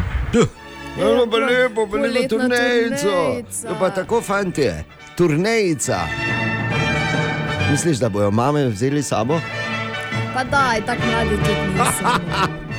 Okay, Liverpool je legendarno mesto, eh, pravzaprav zibelka popularne glasbe, mesto, ki je dalo bitle Ja. in številne legendarne glasbenike. Ampak moramo vedeti, kjerkoli so uspehi, je, ker ima vesolje to neverjetno željo po ravnovesju, tudi vsaj toliko neuspehov. Ne, ogromno bendov je tudi probalo, tam pa jim ni ratalo. Zdaj, da upam, da to ne bo pri, primer za Joker Out danes. In še eno samo željo imam, ker mi poznamo ta efekt, veš, Joker Out na poštni. Ne? Si dal Jokera, ne? Si dosti krat ostal sam z Jokerom v roki, kot se je reklo tudi. Ne? Se tudi to ne bi zgodilo, tako da držimo pesti. Ana, Tanja in Dejan, želimo dobro jutro. Dobro jutro. Dobrodošli. Kaj sem slišal? En dan meni, pa se neke resnice razkrivajo. Grozno, mislim, grozno. V bistvu dobro. Pa? Ja, to ste včeraj ste, uh, ugotovili, ali Fras povedal, vem, da eh, je Tanja v tistih še pravih, uh, pravi risanki, moj mali poni, ja. na. Minimaxu pred kakimi desetimi leti, je to bilo sedmimi, osmimi, ne? Tako. Bila Rainbow Dash. Ne? Ja. Lepo, ne? Ker če bi eno jutro res celo jutro brala novice, tako kot Rainbow Dash. Pepe, pepe, pepe, Shiny Sparkle. Pšu. Piu, piu. Okay. Uh, tako da, Number one fan. je absolutno. Veš pa, zakaj se gre za Absolutno. od Ane. Ne? Absolutno Je vem. včeraj mogla raziskovati. Z oba z Markotom sva raziskovala. Sta, lepo, lepo. Sem gotovila, da bi lahko bila prleški poni. Te, ni imelo neke neposredne veze, razen odkot Tanja izvira. Ne, samo moram Ja. ja. povedati, da je bila izjemen Rainbow Dash. Uh, taka hvala. plavi kojn, z mauričnim repom. Kaj še hočeš? Kako lahko to presežeš v življenju še Da, tudi danes zjutraj z vami Ana Dejan in Rainbow Dash, dobrodošli. Želimo dobro jutro. Dobro jutro. jutro. Eh, zdaj, ko tudi uradno, in jaz se upravičujem, da bom COVID omenil, ampak moram, eh, par dni nazaj tudi uradno se je prenehala ta eh, splošna nevarnost po celem svetu. Ja. Ne? Tudi na japonskem, kjer so se do zadnjega držali, samo zdaj pa imajo Japonci en drug problem. Da so tako dolgo imeli te maske gor, pa vse s temi maskami, pa tako, da so se pozabili smejati. Ne. Brez heca. Pravijo, da, eh, da, da ker pač so bili skozi zakriti, da pač eh, jim je, eh, jim je mislim, so zdaj nezadovoljni s svojim nasmehom. Zdaj so komaj postali mnogi in da se je petkrat povečalo število ljudi, ki se udeležuje tečajev pravilnega smejanja. To je hec, da to so Ne, lahko, to je to so lahko samo Japonci. Je čist za res. To dejansko tam obstaja, ampak to, da obstaja, to na japonskem ne preseneča. Ampak uh, ja, vidiš, uh, kako je to, kako kak se stvari spremenijo. Jaz bi Japoncem preprosto svetoval, da, Si dajo reporterja da Milana. pridejo, ali pa da pridejo sem. Ker zakaj sem uh, par minut nazaj spomnil na zgodbo za Rainbow Dash? Tu bi se Japonci smejali, recimo, ne? kaj se je zgodilo. Pri nas sicer ne toliko v etru, ampak izven. In spet je udarila naša kraljica Tezna, ki seveda ni poznala risanke Moj mali poni, kateri je je Tanja gledala, ne. igrala Rainbow Dash. Ja, vem, da moj mali poni je poznaš. In uh, je potem bila debata, zakaj pa je bilo pač ime v angleščini, na kar je Ana rekla. Moraš zdaj povedati? Kar je, ja, no, ker hočem Japoncem pomagati. To se Japonci poslušajo. Aha. Mi smo, mi smo jutranji program z največjo, uh, z največjo eh, enoto japonskih, ne japonskih poslušalcev. In jaz zdaj Japoncu hočem pomagati. In je bila debata, zakaj je bilo ime v angleščini. In je Ana rekla, ja, in zakaj so ga samo pol prevedli. Potem, ko si globoko razmišljal. Kaj mi dež, ne? ne, ampak deš kot DASH, kot Oh. deš. Ampak ja, gledano, ima svojo logiko. Da, hval, mislim, ni zakaj Japonci, ki poslušate Oh. oh. danes zjutraj. Pa dobro jutro. Dobro jutro. jutro. Ena od treh, treh, treh. Jutranji sprehod po zgodovini popularne glasbe. Danes je 11. maj, danes bomo tudi to našo jutranjo eh, malo šolo popularne glasbe popeljali malo drugače. Danes je dan eh, drugega polfinala na Eurosongu v Liverpoolu, eh, dan, ki nas najbolj zanima, dan, ko gredo v akcijo Joker Out. Ja, jaz bi rekel, da se počutimo, kot se sproščeno lahko, um, da zaupamo v svoj nastop, vemo, kire kamere moramo gledati. tako Da... Kdo je To rekel? Kdo je to rekel? Ana, ti povej, ti jih poznaš, jaz ne vem, sploh po Moj glasu. Bojan. A tvoj bojan. Prav, moj bojan je. Ne, pač Moj bojan cvetičanin, ja. zanimivo ima ime. Ma ne? Ne, zelo lepo. A, seveda želimo, mimo grede, veš, tako kot je rekel na koncu, uh, pazimo, kje je kamere, pa to, to je tako Tak. mi zjutraj. Ja. To to, kar moraš paziti, drugo v življenju ni pomembno. Ampak eh, Eurosong je odnegdaj razdvajal slovenke in slovence, se mi zdi, da je letos prvič tako zares, mm. da, da, da nima noben nič kaj za pripomniti. Ja, Dobro so res, se ja. tokrat odločili na RTV-ju in uh, poslali Joker out uh, in se izognili vsem ostalim kolobocijam pred izborom Emi in vsem, vsemu temu šodru, je, po katerem smo se vozili in skakali vsa ta leta. In uh, tako da Joker out torej danes držimo pesti, da pridejo v finale. Smo pa Slovenci na Eurosongu bili kar uspešni, naša najvišja uvrstitev je sedmo mesto. Dvakrat smo ga dosegli in sicer prvič leta 1995, Darja Švajger s to čudovito balado. V tebi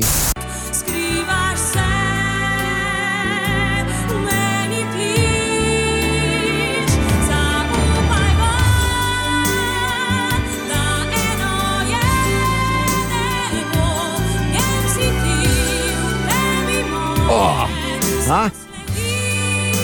Kaj pa Darja? Kak je to, da ti gre? Wow.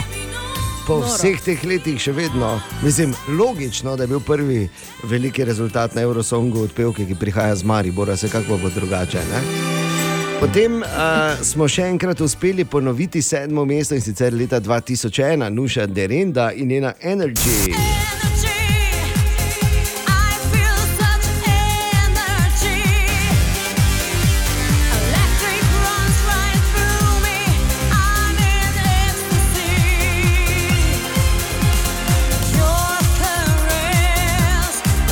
Pa pol smo imeli še en eh, top 10, oziroma natančno deseto mesto leta 1997.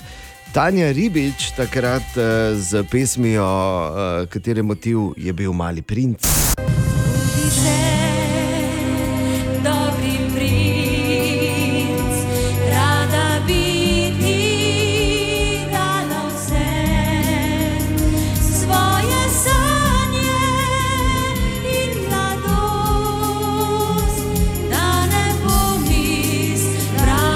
Vse, kar lahko rečemo, je, da se je muzika in Eurosong, da sta O, se ja. oba precej spremenila. O, ja, ravno to sem htela reči. Ja, ja.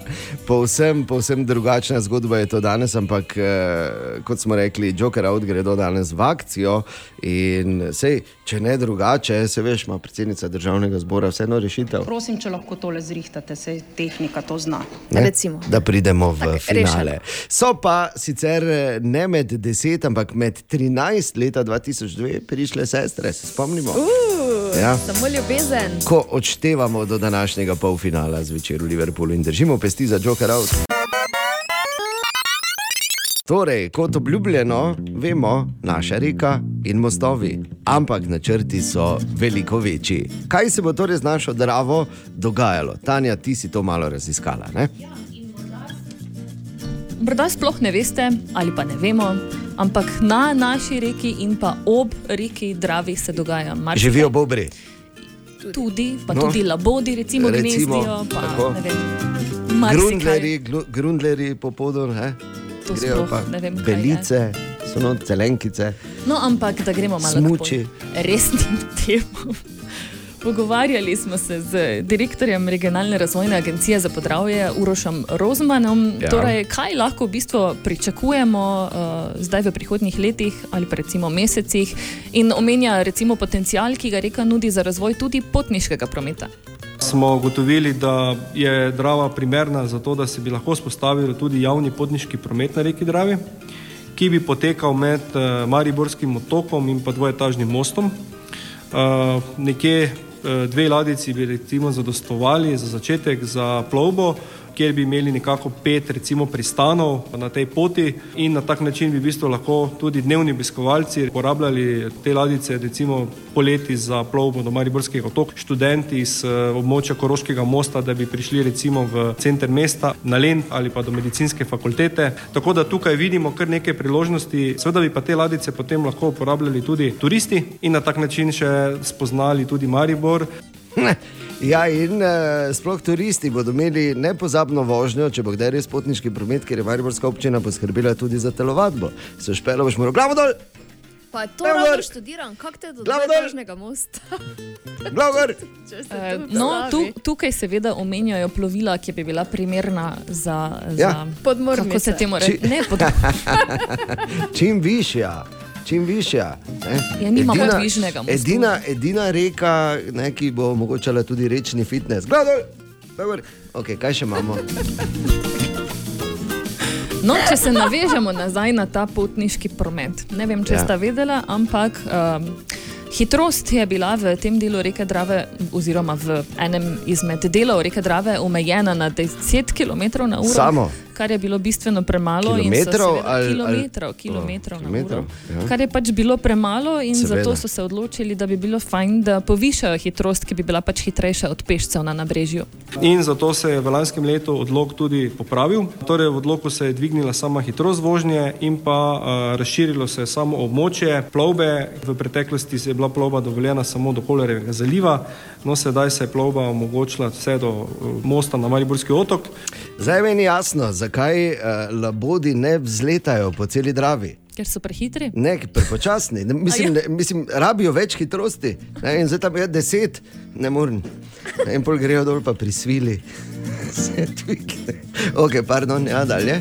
Kaj še?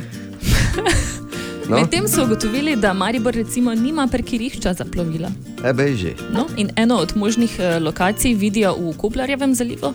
Tukaj se sicer omenja veliko izzivov, saj je v načrtu ureditev plovnosti na reki od Dravograda do središča ob Dravi, eh, pri čemer je seveda potrebno zagotoviti tudi vstopne in izstopne točke, tako Mm. za kajeke, pa kanuje. Ampak eden izmed bolj zanimivih projektov, ki ga je direktor regionalne razvojne agencije za podravje Uroš Rozman omenjal, je tudi ta. Gre za projekt, kjer se ukvarjamo z obveščanjem o poplavno ogroženih območjih. Gre predvsem za projekt, kjer bi se naj za senzoriko pravi čas opozorilo, ko ti deroči potoki, ki potem prihajajo v reko Dravo, narastejo v nekih eneurih zelo hitro. In ponavadi v bistvu od pristojne službe urgirajo šele, ko odnese veliki del recimo ceste ali pa nekih eh, območij in z nekimi senzorji bi v bistvu pravi čas eh, dobili recimo gasilci in podobne službe podatke, da je potrebno na neko lokacijo priti in v bistvu pomagati. Ja, izjemno. In to je ta projekt Smart River, ne, ki Tako, smo ga tako. omenili. Ha, Super.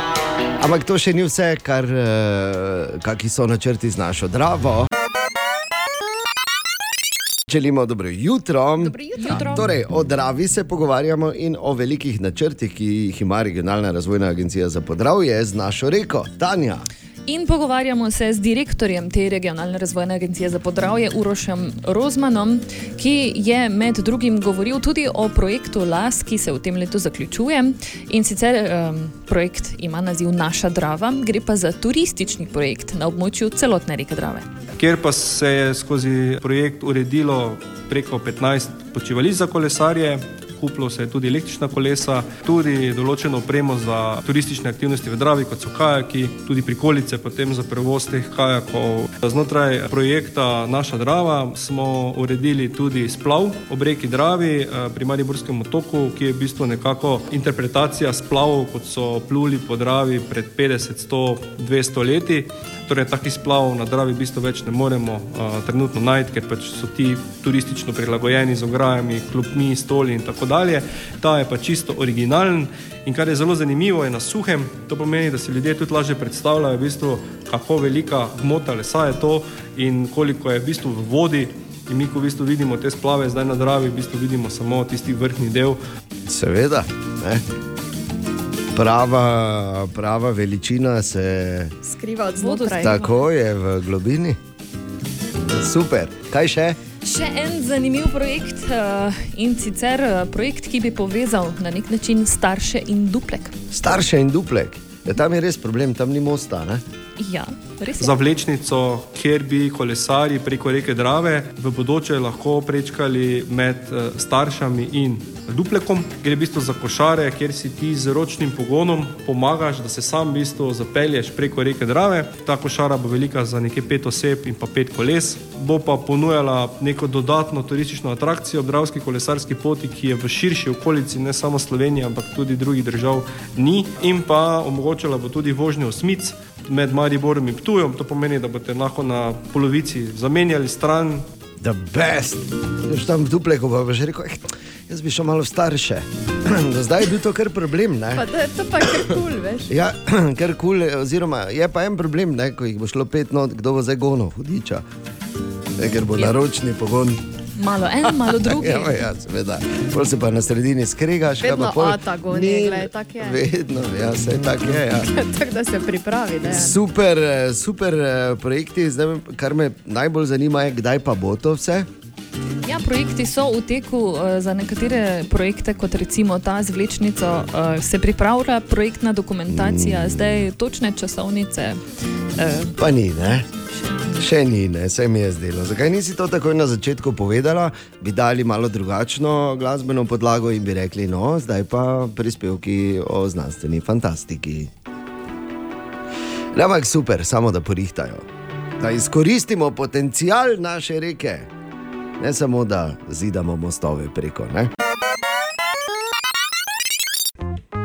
O, Tine! Ja, lega, Tine. Ja, Zdravo. Dobro jutro. Glej tebe, jaz sem tako tu, tebe. Ja, samo sva se pa slisa, slišala včeraj, to pa tudi je, ne? to moraš povedati. Ja, to, to je. Ni, nismo, nismo čisto. Naj samo povem, da je Tine danes uh, zelo zanimivo oblečen, ter sliko od mene, ko me vpraša, če imam birmo. Kaj si me vprašal? Ne, Paleto. birmo, paleto. Če ima polo majčko. Podobno. pa Belo pa polo majčko, lep- kdaj Ja, ste kaj? beli Ja, poli glej, danes imam, ker se počutim čist. Poli, poli, poli majčko. Ja. Okay. Pa Uh, mimo še to grede, ne ker tak bos. ja, si videl ti reklamo za zeleno poli klobaso? Ja, iz grahe. Ja, gremo dalje, res. Ja, Gra, če je veganska. ja v redu je veganska Ja, ja, klobasa. je, ja. mislim, vse je Tako kot okej. je iz riža mleko, ne, tako je to klobasa. V redu je, naj bo, samo ne vem, zakaj mora. Ne, v redu je. ne, gremo dalje. Hotel sem povedati, da imaš eh, rogača ujetega v kozarec. Pa kaj si vidva gledata? Ja, veš, Na hrbtu imam še več. Res živali? Ja, glej, čakaj. Bravo. Zakaj imaš gamat na majici? Zakaj imaš to?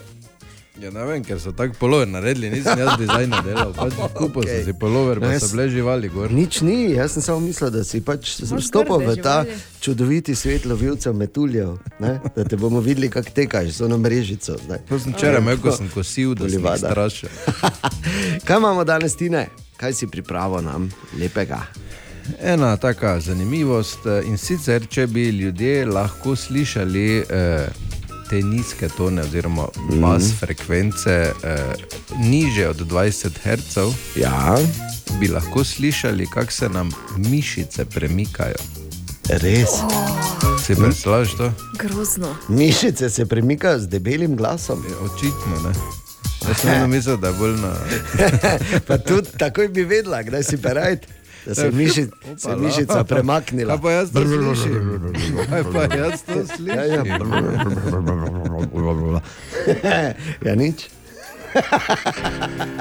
Oj, oj. Po našem mestu, uh, če greš, vidiš vse živo. Ampak uh, en svoj pogled pa nam vedno znova predstavi Jaša Lorenčič. Jaša, dobro jutro. Zdravo. Servus. Še vedno se zgodi. Ne pogosto, ampak se zgodi. Kuj tak. Najbrž bi v našem mestu rekli, zato ker se lahko. Namreč v krasnem Mariboru si folk še vedno pravi vice. Čisto res.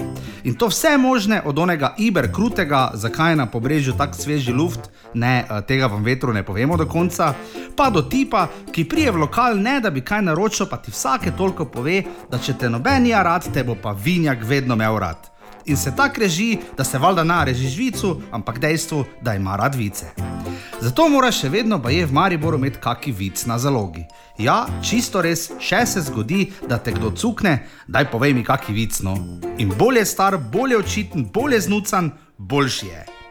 Vici očitno ostajajo duša našega mesta, ker ni nič bolj zabavnega, kot če se vsedeš. Gor, na vic ali pa na ponija.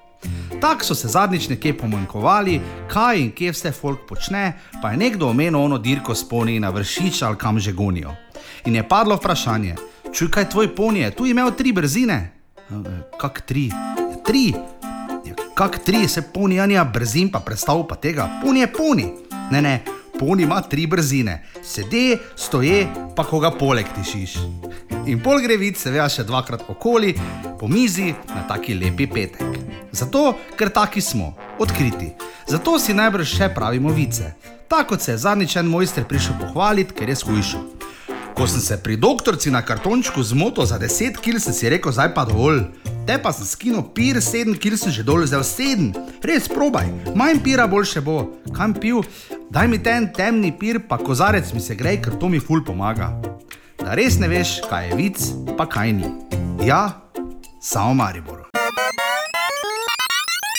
Dobro jutro. Dobro jutro. Dobro jutro. Torej, zunaj ledeni možje so se začeli danes prvi, temperature okoli 10 stopinj in rahlo dežuje in dež.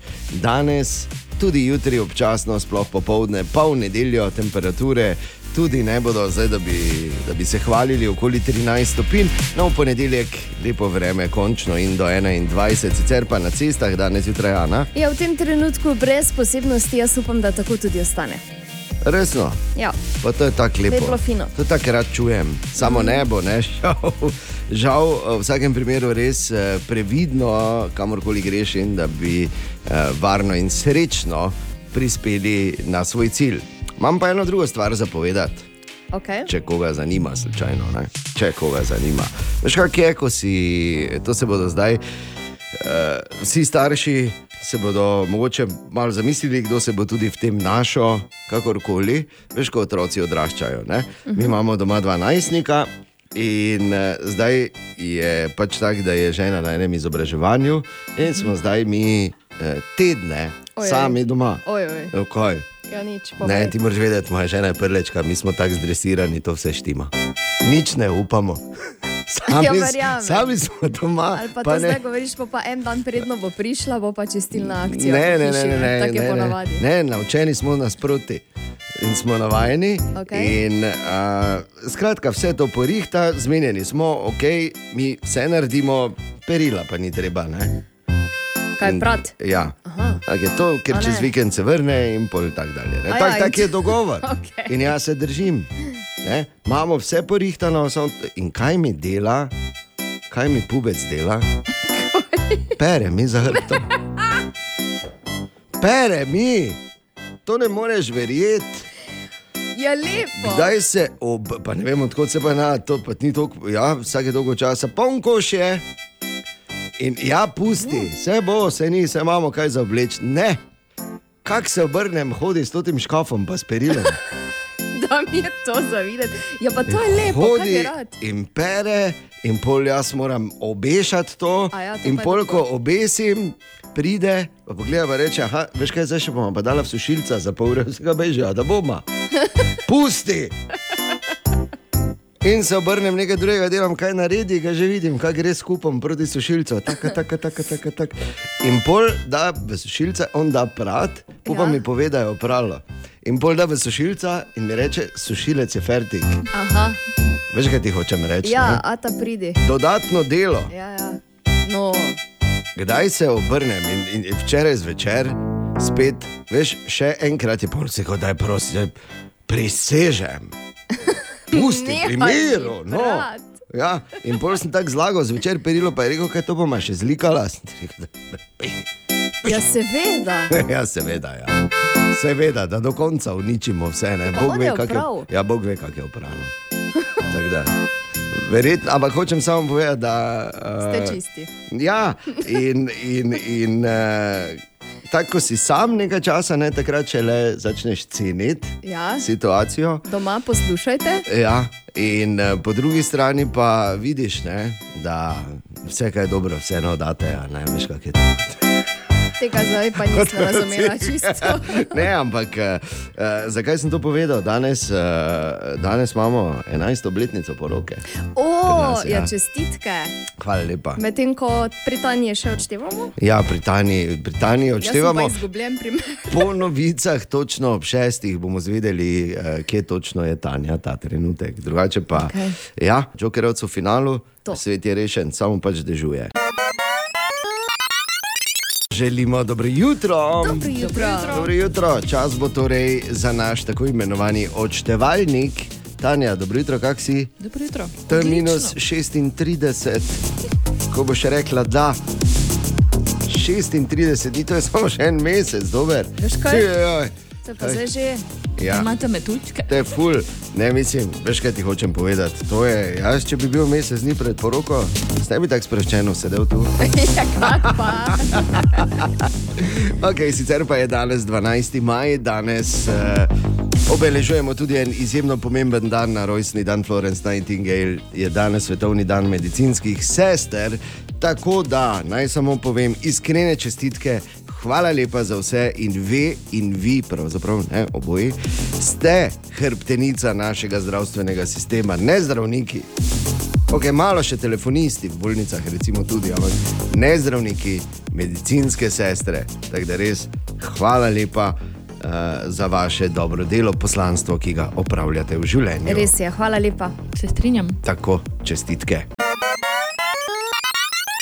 Še enkrat dobro jutro. Dobro jutro. Dobro jutro in veselje iz Liverpoola.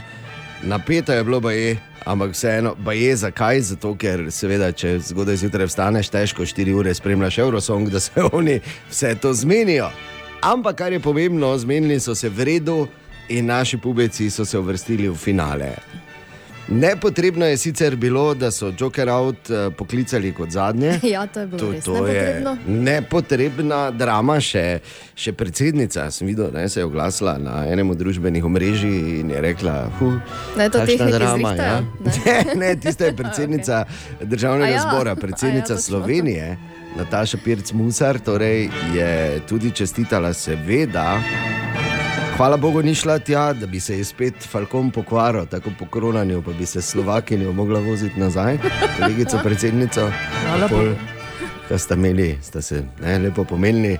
In pa je, sta se zdaj zmenili, mimo grede, sorodna tema, ampak lušno, da bo ta zdaj tudi na naslednje potovanje šli z slovaškim, slovaškim avionom. Za ja. ziher. Eh, Si delita Na stroške. Islandijo. Eh, Ne vem, če je to fora. Ne, ampak- Slova, Slovaki plačujejo na mesto. Ne, ne, tudi to ne, ziger mi plačamo, ampak eh, ne, pač veš kaj, je, ko kolegice, ko grejo, ne, bestičke, grejo z enim avtom raje, ne, ko pa da bi, ne znam. Ok, ampak Eurosong in Joker out vrhunsko v finalu smo. Ja, v zadnjih parih dneh smo imeli kar nekaj vaj, tako da smo na oder stopili zelo samozavestno. Najbrž najbolj do zdaj. Ne? Zbudili smo se brez kakršnega koli stresa, vedeli smo, da lahko to več kot 100% oddelamo in smo si zaslužili finale. No? Tako, zasluženo. Tudi če ne bi bilo, bi rekli, da je zasluženo.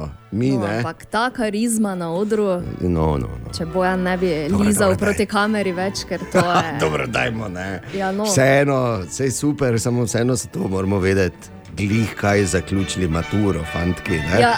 Ampak, glej, Dobri so, vse nima Glej, veze. absolutno. Ja. Liverpoolu vse čestitke. Čestitke, vse nesporno, nesporno. Zdaj v neki karizmi, veš, kaj ti hočem reči.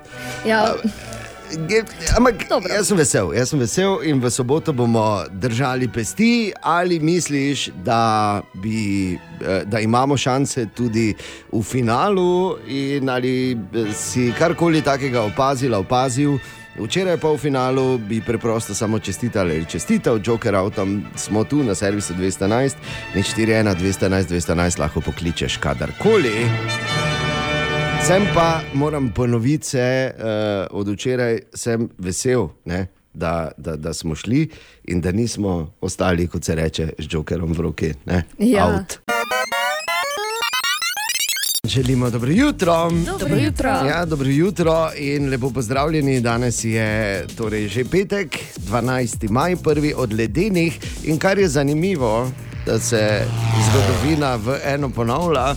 Hitro so, ja, veš, vsako leto se prepirajo na Ma- Mariborskem letalskem centru, našem športnem letališču in eh, ministrstvo. Ne, kaj, zdaj bomo branili proti toči ali ne?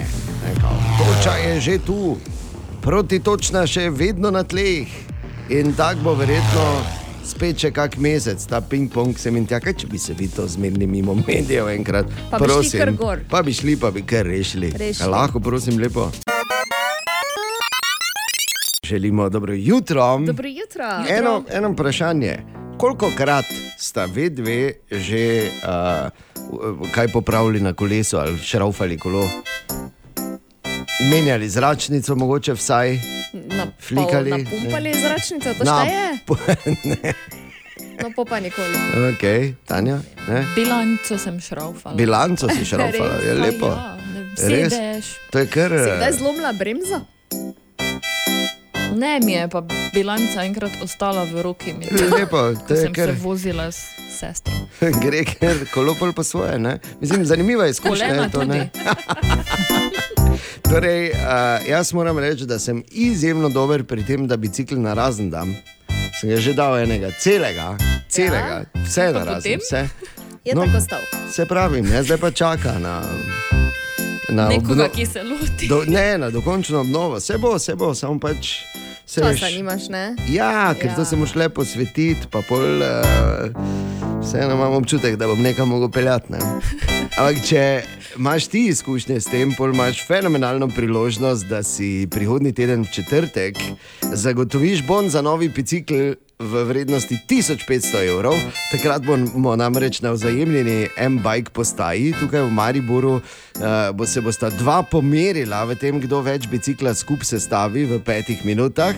Uh, in tisti, ki ga bo več stal skupaj, jasno, dobi, dobi uh, to glavno nagrado, uh, drugi pa pač to ležilno, ne, da bo lahko rekel, kak sem bil zraven.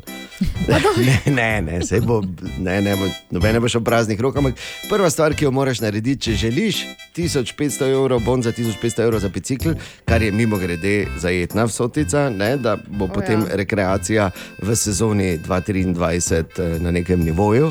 Eh, greš na naš Facebook in se prijaviš. To je prvo, kar moraš narediti, časa pa je še do ponedeljka. Tako da razmisli.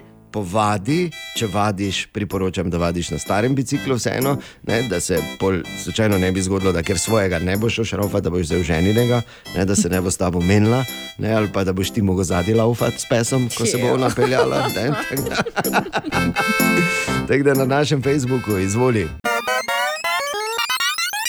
Želimo dobro jutro. Dobro jutro. Dobro jutro, dobrodošli petek, 12. maj, svetovni dan medicinskih sester. Mimo grede, čestitke vsem medicinskim sestram. Rekel, res je, ve in vi ste hrbtenica našega zdravstvenega sistema, ne zdravniki, šefi bolnic in zdravstvenih domov. Tak, evo, ne. no, ve pa, pa šoferji. Drug, drugače pa danes je petek. In Pe, ja, ampak petek prinese tudi vedno skoraj nemogoče vprašanje. Jo, in ta nasprotnica, tretji Ja. ja. teden zapored. Ja, dvakrat Ja. zapored je Tanja uspela zmagati, se vidi, to ti da veš posebno moč, ko si malo pred poroko. Ali bo tako tudi danes? Super Mario si, ko gobico poje. Gobica poje. Ali Jaz kaj sem- jedo že, ne videl naj Marija, ko je gobico pojedel, pa ni bil tako super. Tak da. Skoraj nemogoče vprašanje. Dobro jutro. Dobro jutro. Torej, Ana in Tanja tokrat tekmujeta. Ko je vprašanje skoraj uh, vedno bolj spektakularno od odgovora, ali pač tudi danes, v stati iz statistike narejene v Evropski uniji, dam vam na izbiro ali nekaj o ženskah in njihovih ravnanjih, ali o lastnikih malih živali. Tanja, Odločita se. ti, da izbereš. Kot vladajoča, ne, Zmagovalka. v zadnjih Opala. pač nekaj Ja. iteracijah skoraj nemogočega vprašanja. Tanja. Lastniki malih živali. Ja, Lastniki bravo, malih jaz sem živali. htela isto reči. Ja. Ok, pazite. Skoraj nemogoče vprašanje se glasi takole: 25, Mačka. ne, ne pa daj ne. No. 25 odstotkov vseh lastnikov domačih živali v Evropski uniji, se pravi, eden od štirih, okay? ali ena od štirih, so priznali, da so že uh, vsaj enkrat naredili to. Kaj je to? Izgubili svojo domačo Ne, žival. a, a, to jih je več. Eden od štirih, Ga zaprli nekam v Ne. Katero A, a. koli domačo, malo ja, ali kaj? ja, Malo domačo žival. Malo ja, domačo žival je veliko. ja ti, okay, Ti pardon, dodati moram, tisti, ki imajo doma slone, niso sodelovali v tej A, eh, raziskavi. Dobro, da vemo, da niso konji. Predvsem krave. zato, ker so to v Indiji največ imajo slone, ne? za eh, namesto traktorov. To pa je v Evropski uniji. Okay? Torej, Vem, zalizali psa. Jo. E, to jih je več, verjetno. Ne? Veš, ko se lupčkajo s peseki svojimi abogiči. Se pravi, eno čakaj, ne, ne. Ki imaš jo pa kaki smrček, mama danes Zamudili. Zamudili. Ne, ne. Daj še Ne? enkrat ponovi vprašanje. Eden od štirih lastnikov ali lastnic je priznal, da je že naredil tole. Ni nepos, mislim, bolj posredno je povezano z, uh, z svojimi hišnimi Pustil ljubljenčki. partnerja Ne, zaradi ne. hišnega ljubljenčka. No, veš, da sem zdaj isto razmišljala. Oh, kruti, Ana in Tanja, ne, ni bilo to. Eden od Vse štirih. ga odpovedal. Ne, ne, ne razmišljata, ne razmišljata v pravi smeri. Zamislite si, uh, obe imata doma. Probal hrano. Res? Tanja. Tanja vlada v skoraj nemogočem vprašanju. Eden Ta od štirih. Bom prihajala ob petkih. Ja, pridi, pa lahko v mojem imenu. Naj samo povem, da čestitke. In zdaj, ko si trikrat zapored slavila v skoraj nemogočem vprašanju, lahko se poročiš. Želimo dobro jutro. Dobro jutro. Okay, čakaj samo malo, da vklopimo, uh, vklopimo naš zunanji mikrofon, ki je obrnjen proti občini. Samo trenutek, mislim, da je zdaj. Ja, evo 15 minut, če sedmo, čas bo za jutranje obvestilo občankam in občanom. Župan je izbral vino. Rešeni smo. Danes je petek, 12. maj, imam eh, dve, dve na brzinco, kot se reče. Ne? In sicer, pazi, v legendarnem pariškem klubu Moulin Rouge, Mhm. ki je tako legendaren, da uh, je imel celo svoj musical, da je v bistvu ena od ikon Pariza. Ne, Ja. ta uh, rožna Timlin, uh, tam se je rodil Kankan, mimo grede, ne, in to je pač ta legendarni klub. No, zdaj so imeli ene težave, so aktivisti napadli in morajo nehati v predstavah uporabljati kače. Ja. Kaj še jim te sploh ostane? No. No. Kaj ti hočem reči? Zdaj, ko pa enkrat kač ne moreš več uporabljati, te pa veš, da Ostane telo. Ne, ne, bolj, ja, ja, samo telo je že leta, ne? Zdaj še kače več ni fertik, ne? ni več kačic. Ja, fertik. In pa še ena stvar, danes zjutraj sem malo gledal skozi okno, pa gledam, pa kaj za vraga je taka gužva pred občino. Res, full gužva. Tako da ven stojijo, pa razmišljam, pa kaj te je. Pol sem se pa spomnil, valjda. Danes je zadnji dan tretjega kroga prijav za najemnino za gostilno pri treh ribnikih. Seveda. Ana, Tanja in Dejan, želimo dobro jutro. Dobro jutro. Ja, dobro jutro, dobrodošli. In ali se je kdo kdaj vprašal, kam gre naš gnar? Verjetno na dnevni bazi. Ne? Govorimo o davkih, ker uh, objavili so seznam najvišjih plač v javnem sektorju. Smo videli mi te cifre, da se nismo mi malo zahali, da smo se odločili za to. Za nejavni za to, ja, za to kariero. Je to? Take, Ziher. take lepe plače imajo eni tam 86 dni dopusta in vse ostale stvari. Glej, super, to se govorimo o plačah 12 jurjev in gor. Ne? In uh, mislim, veš, tako da. Kaj veš, kdo ima tako plačo? Pač, ko si v pekarni, gledaš, da vzame dve štruci belega. O, Tine! Dobro jutro, Tine. Dobro jutro. Pozdravljen. Kaj bomo rekli? Ja. Izkoristi dan. Ne? Kaj si s kolesom je. potem? Ne. Čudno. Ja, zdaj- zdaj pa tak, tak, mislim, mi, beli rajdersi, vseeno smo malo selektivni. Ne? Imam oni eh, blatnik, ko se gor namontira, ne? Podariti Tisti, samo, ko ni blatnik, misliš, oni? Samo je premalo to, ne. Kak ni blatnik, Ne, če je blatnik. Veš, kak je oski ravni. Je. Ja, pa, To, to ampak ni je blatnik. nič. Ja, blatnik je, ampak ne. Je blatnik. Ne upravlja svoje funkcije. Kak ne, če je Pa- blatnik. To je ne mogoče, da kaj zadrži. Okay. Te pa ja, te pa tak. No, tako. No, nisem, niti z blatnikom, niti z bečilom. Širšega si kupi. Na tezno so imeli en fajn poskus z bakrenimi. Pa se ni obneslo. Ne, ni. Hitro so bili na surovini. Torej, prvo, prvo jutro je bilo brez. ja. kaj bomo rekli? Ja, danes imamo pa eno petkovo. No, Ja, to smo čakali. To je to, Tine. To je to. novi izraz, za katerega nisem vedel. Dobro. Pre-baiting. Samo pazi, Tanja se čez dober mesec poroči, samo to. Tako da pazi. Pre-baiting.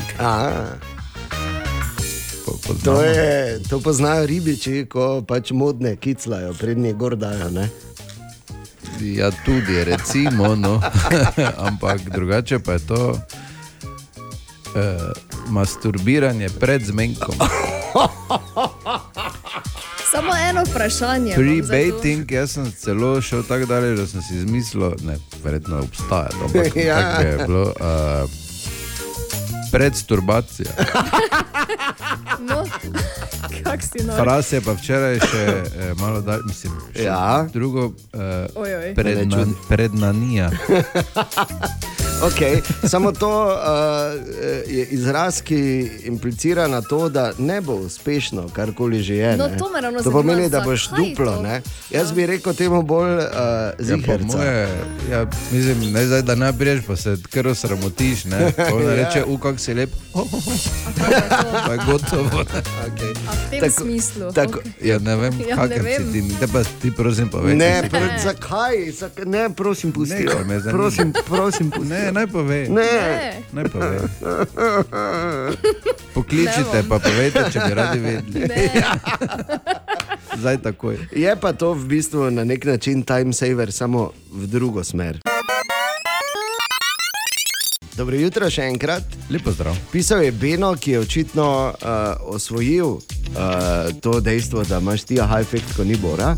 Kaj ti Beno je napisal, pazi, kdo si je zmislil marmelado, če lahko ti ne pove.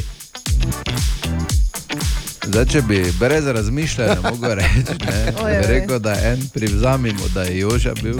Ja. Seveda je bil. Slučajno stopil na sadje, pa rekel, kako te ne znaš tam. Ja, pa vzel kruh, ne? Pa vzel kruh, pa dolgo. Ampak odgovor Benova, aha efekt.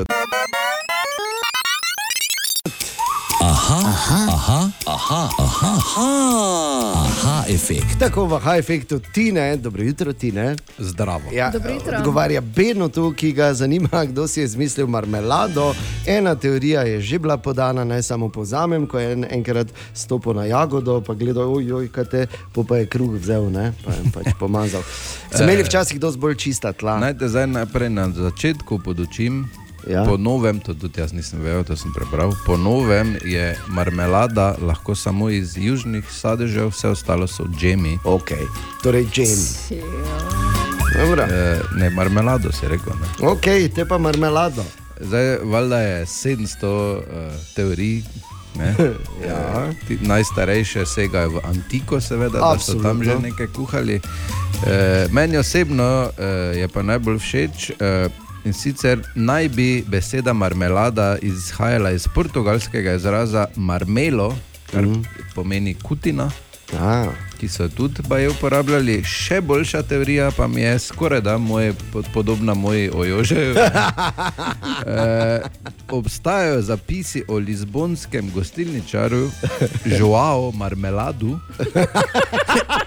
Prisežem, nisem si Joža izmislil. marmelada. Ja, glej, prisežem, nisem si izmislil, ki so mu dolžniki iz Sevilje v s- 15. stoletju dolg poplačali z pomarančami. Okay. In ima toliko pomaranč, ni več kaj, pa jih je dal sod, pa s cukrom prek, da bi to nekako skonzerviral, polje je nastala. Pač Žuval marmelada. Nekaj podobnega marmeladi, valjda doben ni hotel jesti tega zvečer, pa so zjutraj vsi z mačkom pijani planili za ta sod, za to marmelado.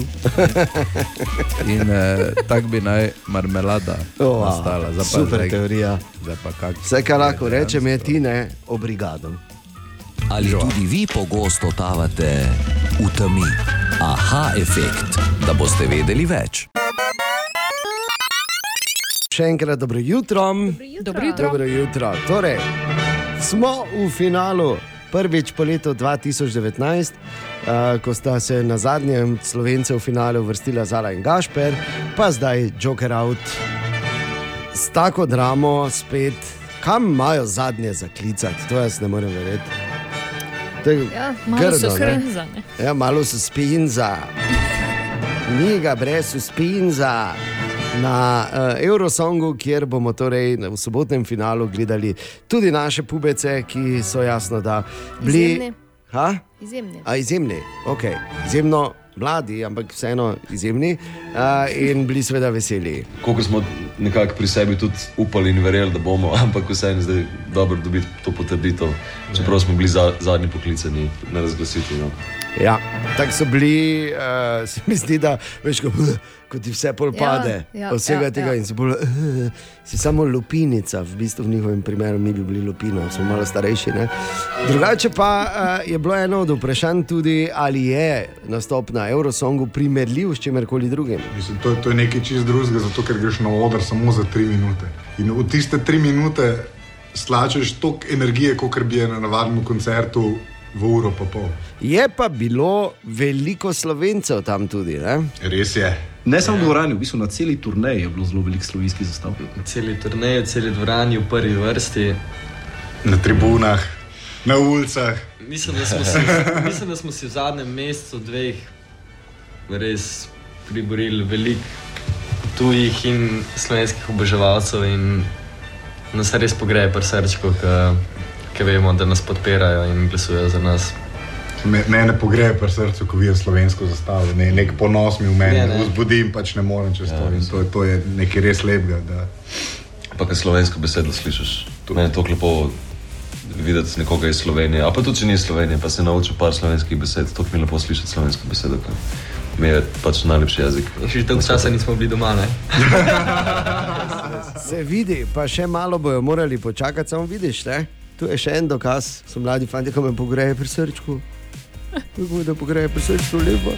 Ja, Vidiš pa te nove oboževalce, misliš, da so imeli Ane v misli? Jaz nisem nova oboževalka. pa niti ne- že, niti ne eh, mlada. Niti ne mlada. Kako si to mislil? Tako se reče. Ne razumem. Torej, eh, Joker out v finalu in zdaj, torej danes in jutri. To bosta verjetno kar, eh, kar napeta dneva. Ne? Naslednja dva dneva začnemo tako kot vsak dan, da zdaj zajtrko, potem pa direkt na prvo vajo, po vaji imamo mogoče kakšno urco, dve časa za kosilo, potem make-up, frizer in drug nastop. In naslednji dan pol v finalu bo zgledalo vse zelo približno podobno. no. Tako da smo od jutra do večera v areni. Ne? Ja. Ja, kaj češ, ne težko je življenje, rok zvezdnika, bom rekel, ne. Ja, Res je, ampak vseeno, super, super, super, prišli smo v finale in zdaj pa. Zdaj pa ni, ne, ali, ali, ali naredimo, da nekdo naredi nekaj, veš, ono, da se začne vsi od nas meniti na Sloveniji, Ja. ja. ali pa pač upamo na najboljše in verjamemo v Joker out. Bomo Absolutno. navijali, čestitke še enkrat po BC. Dobra, mali in stari. Podcast jutranje ekipe.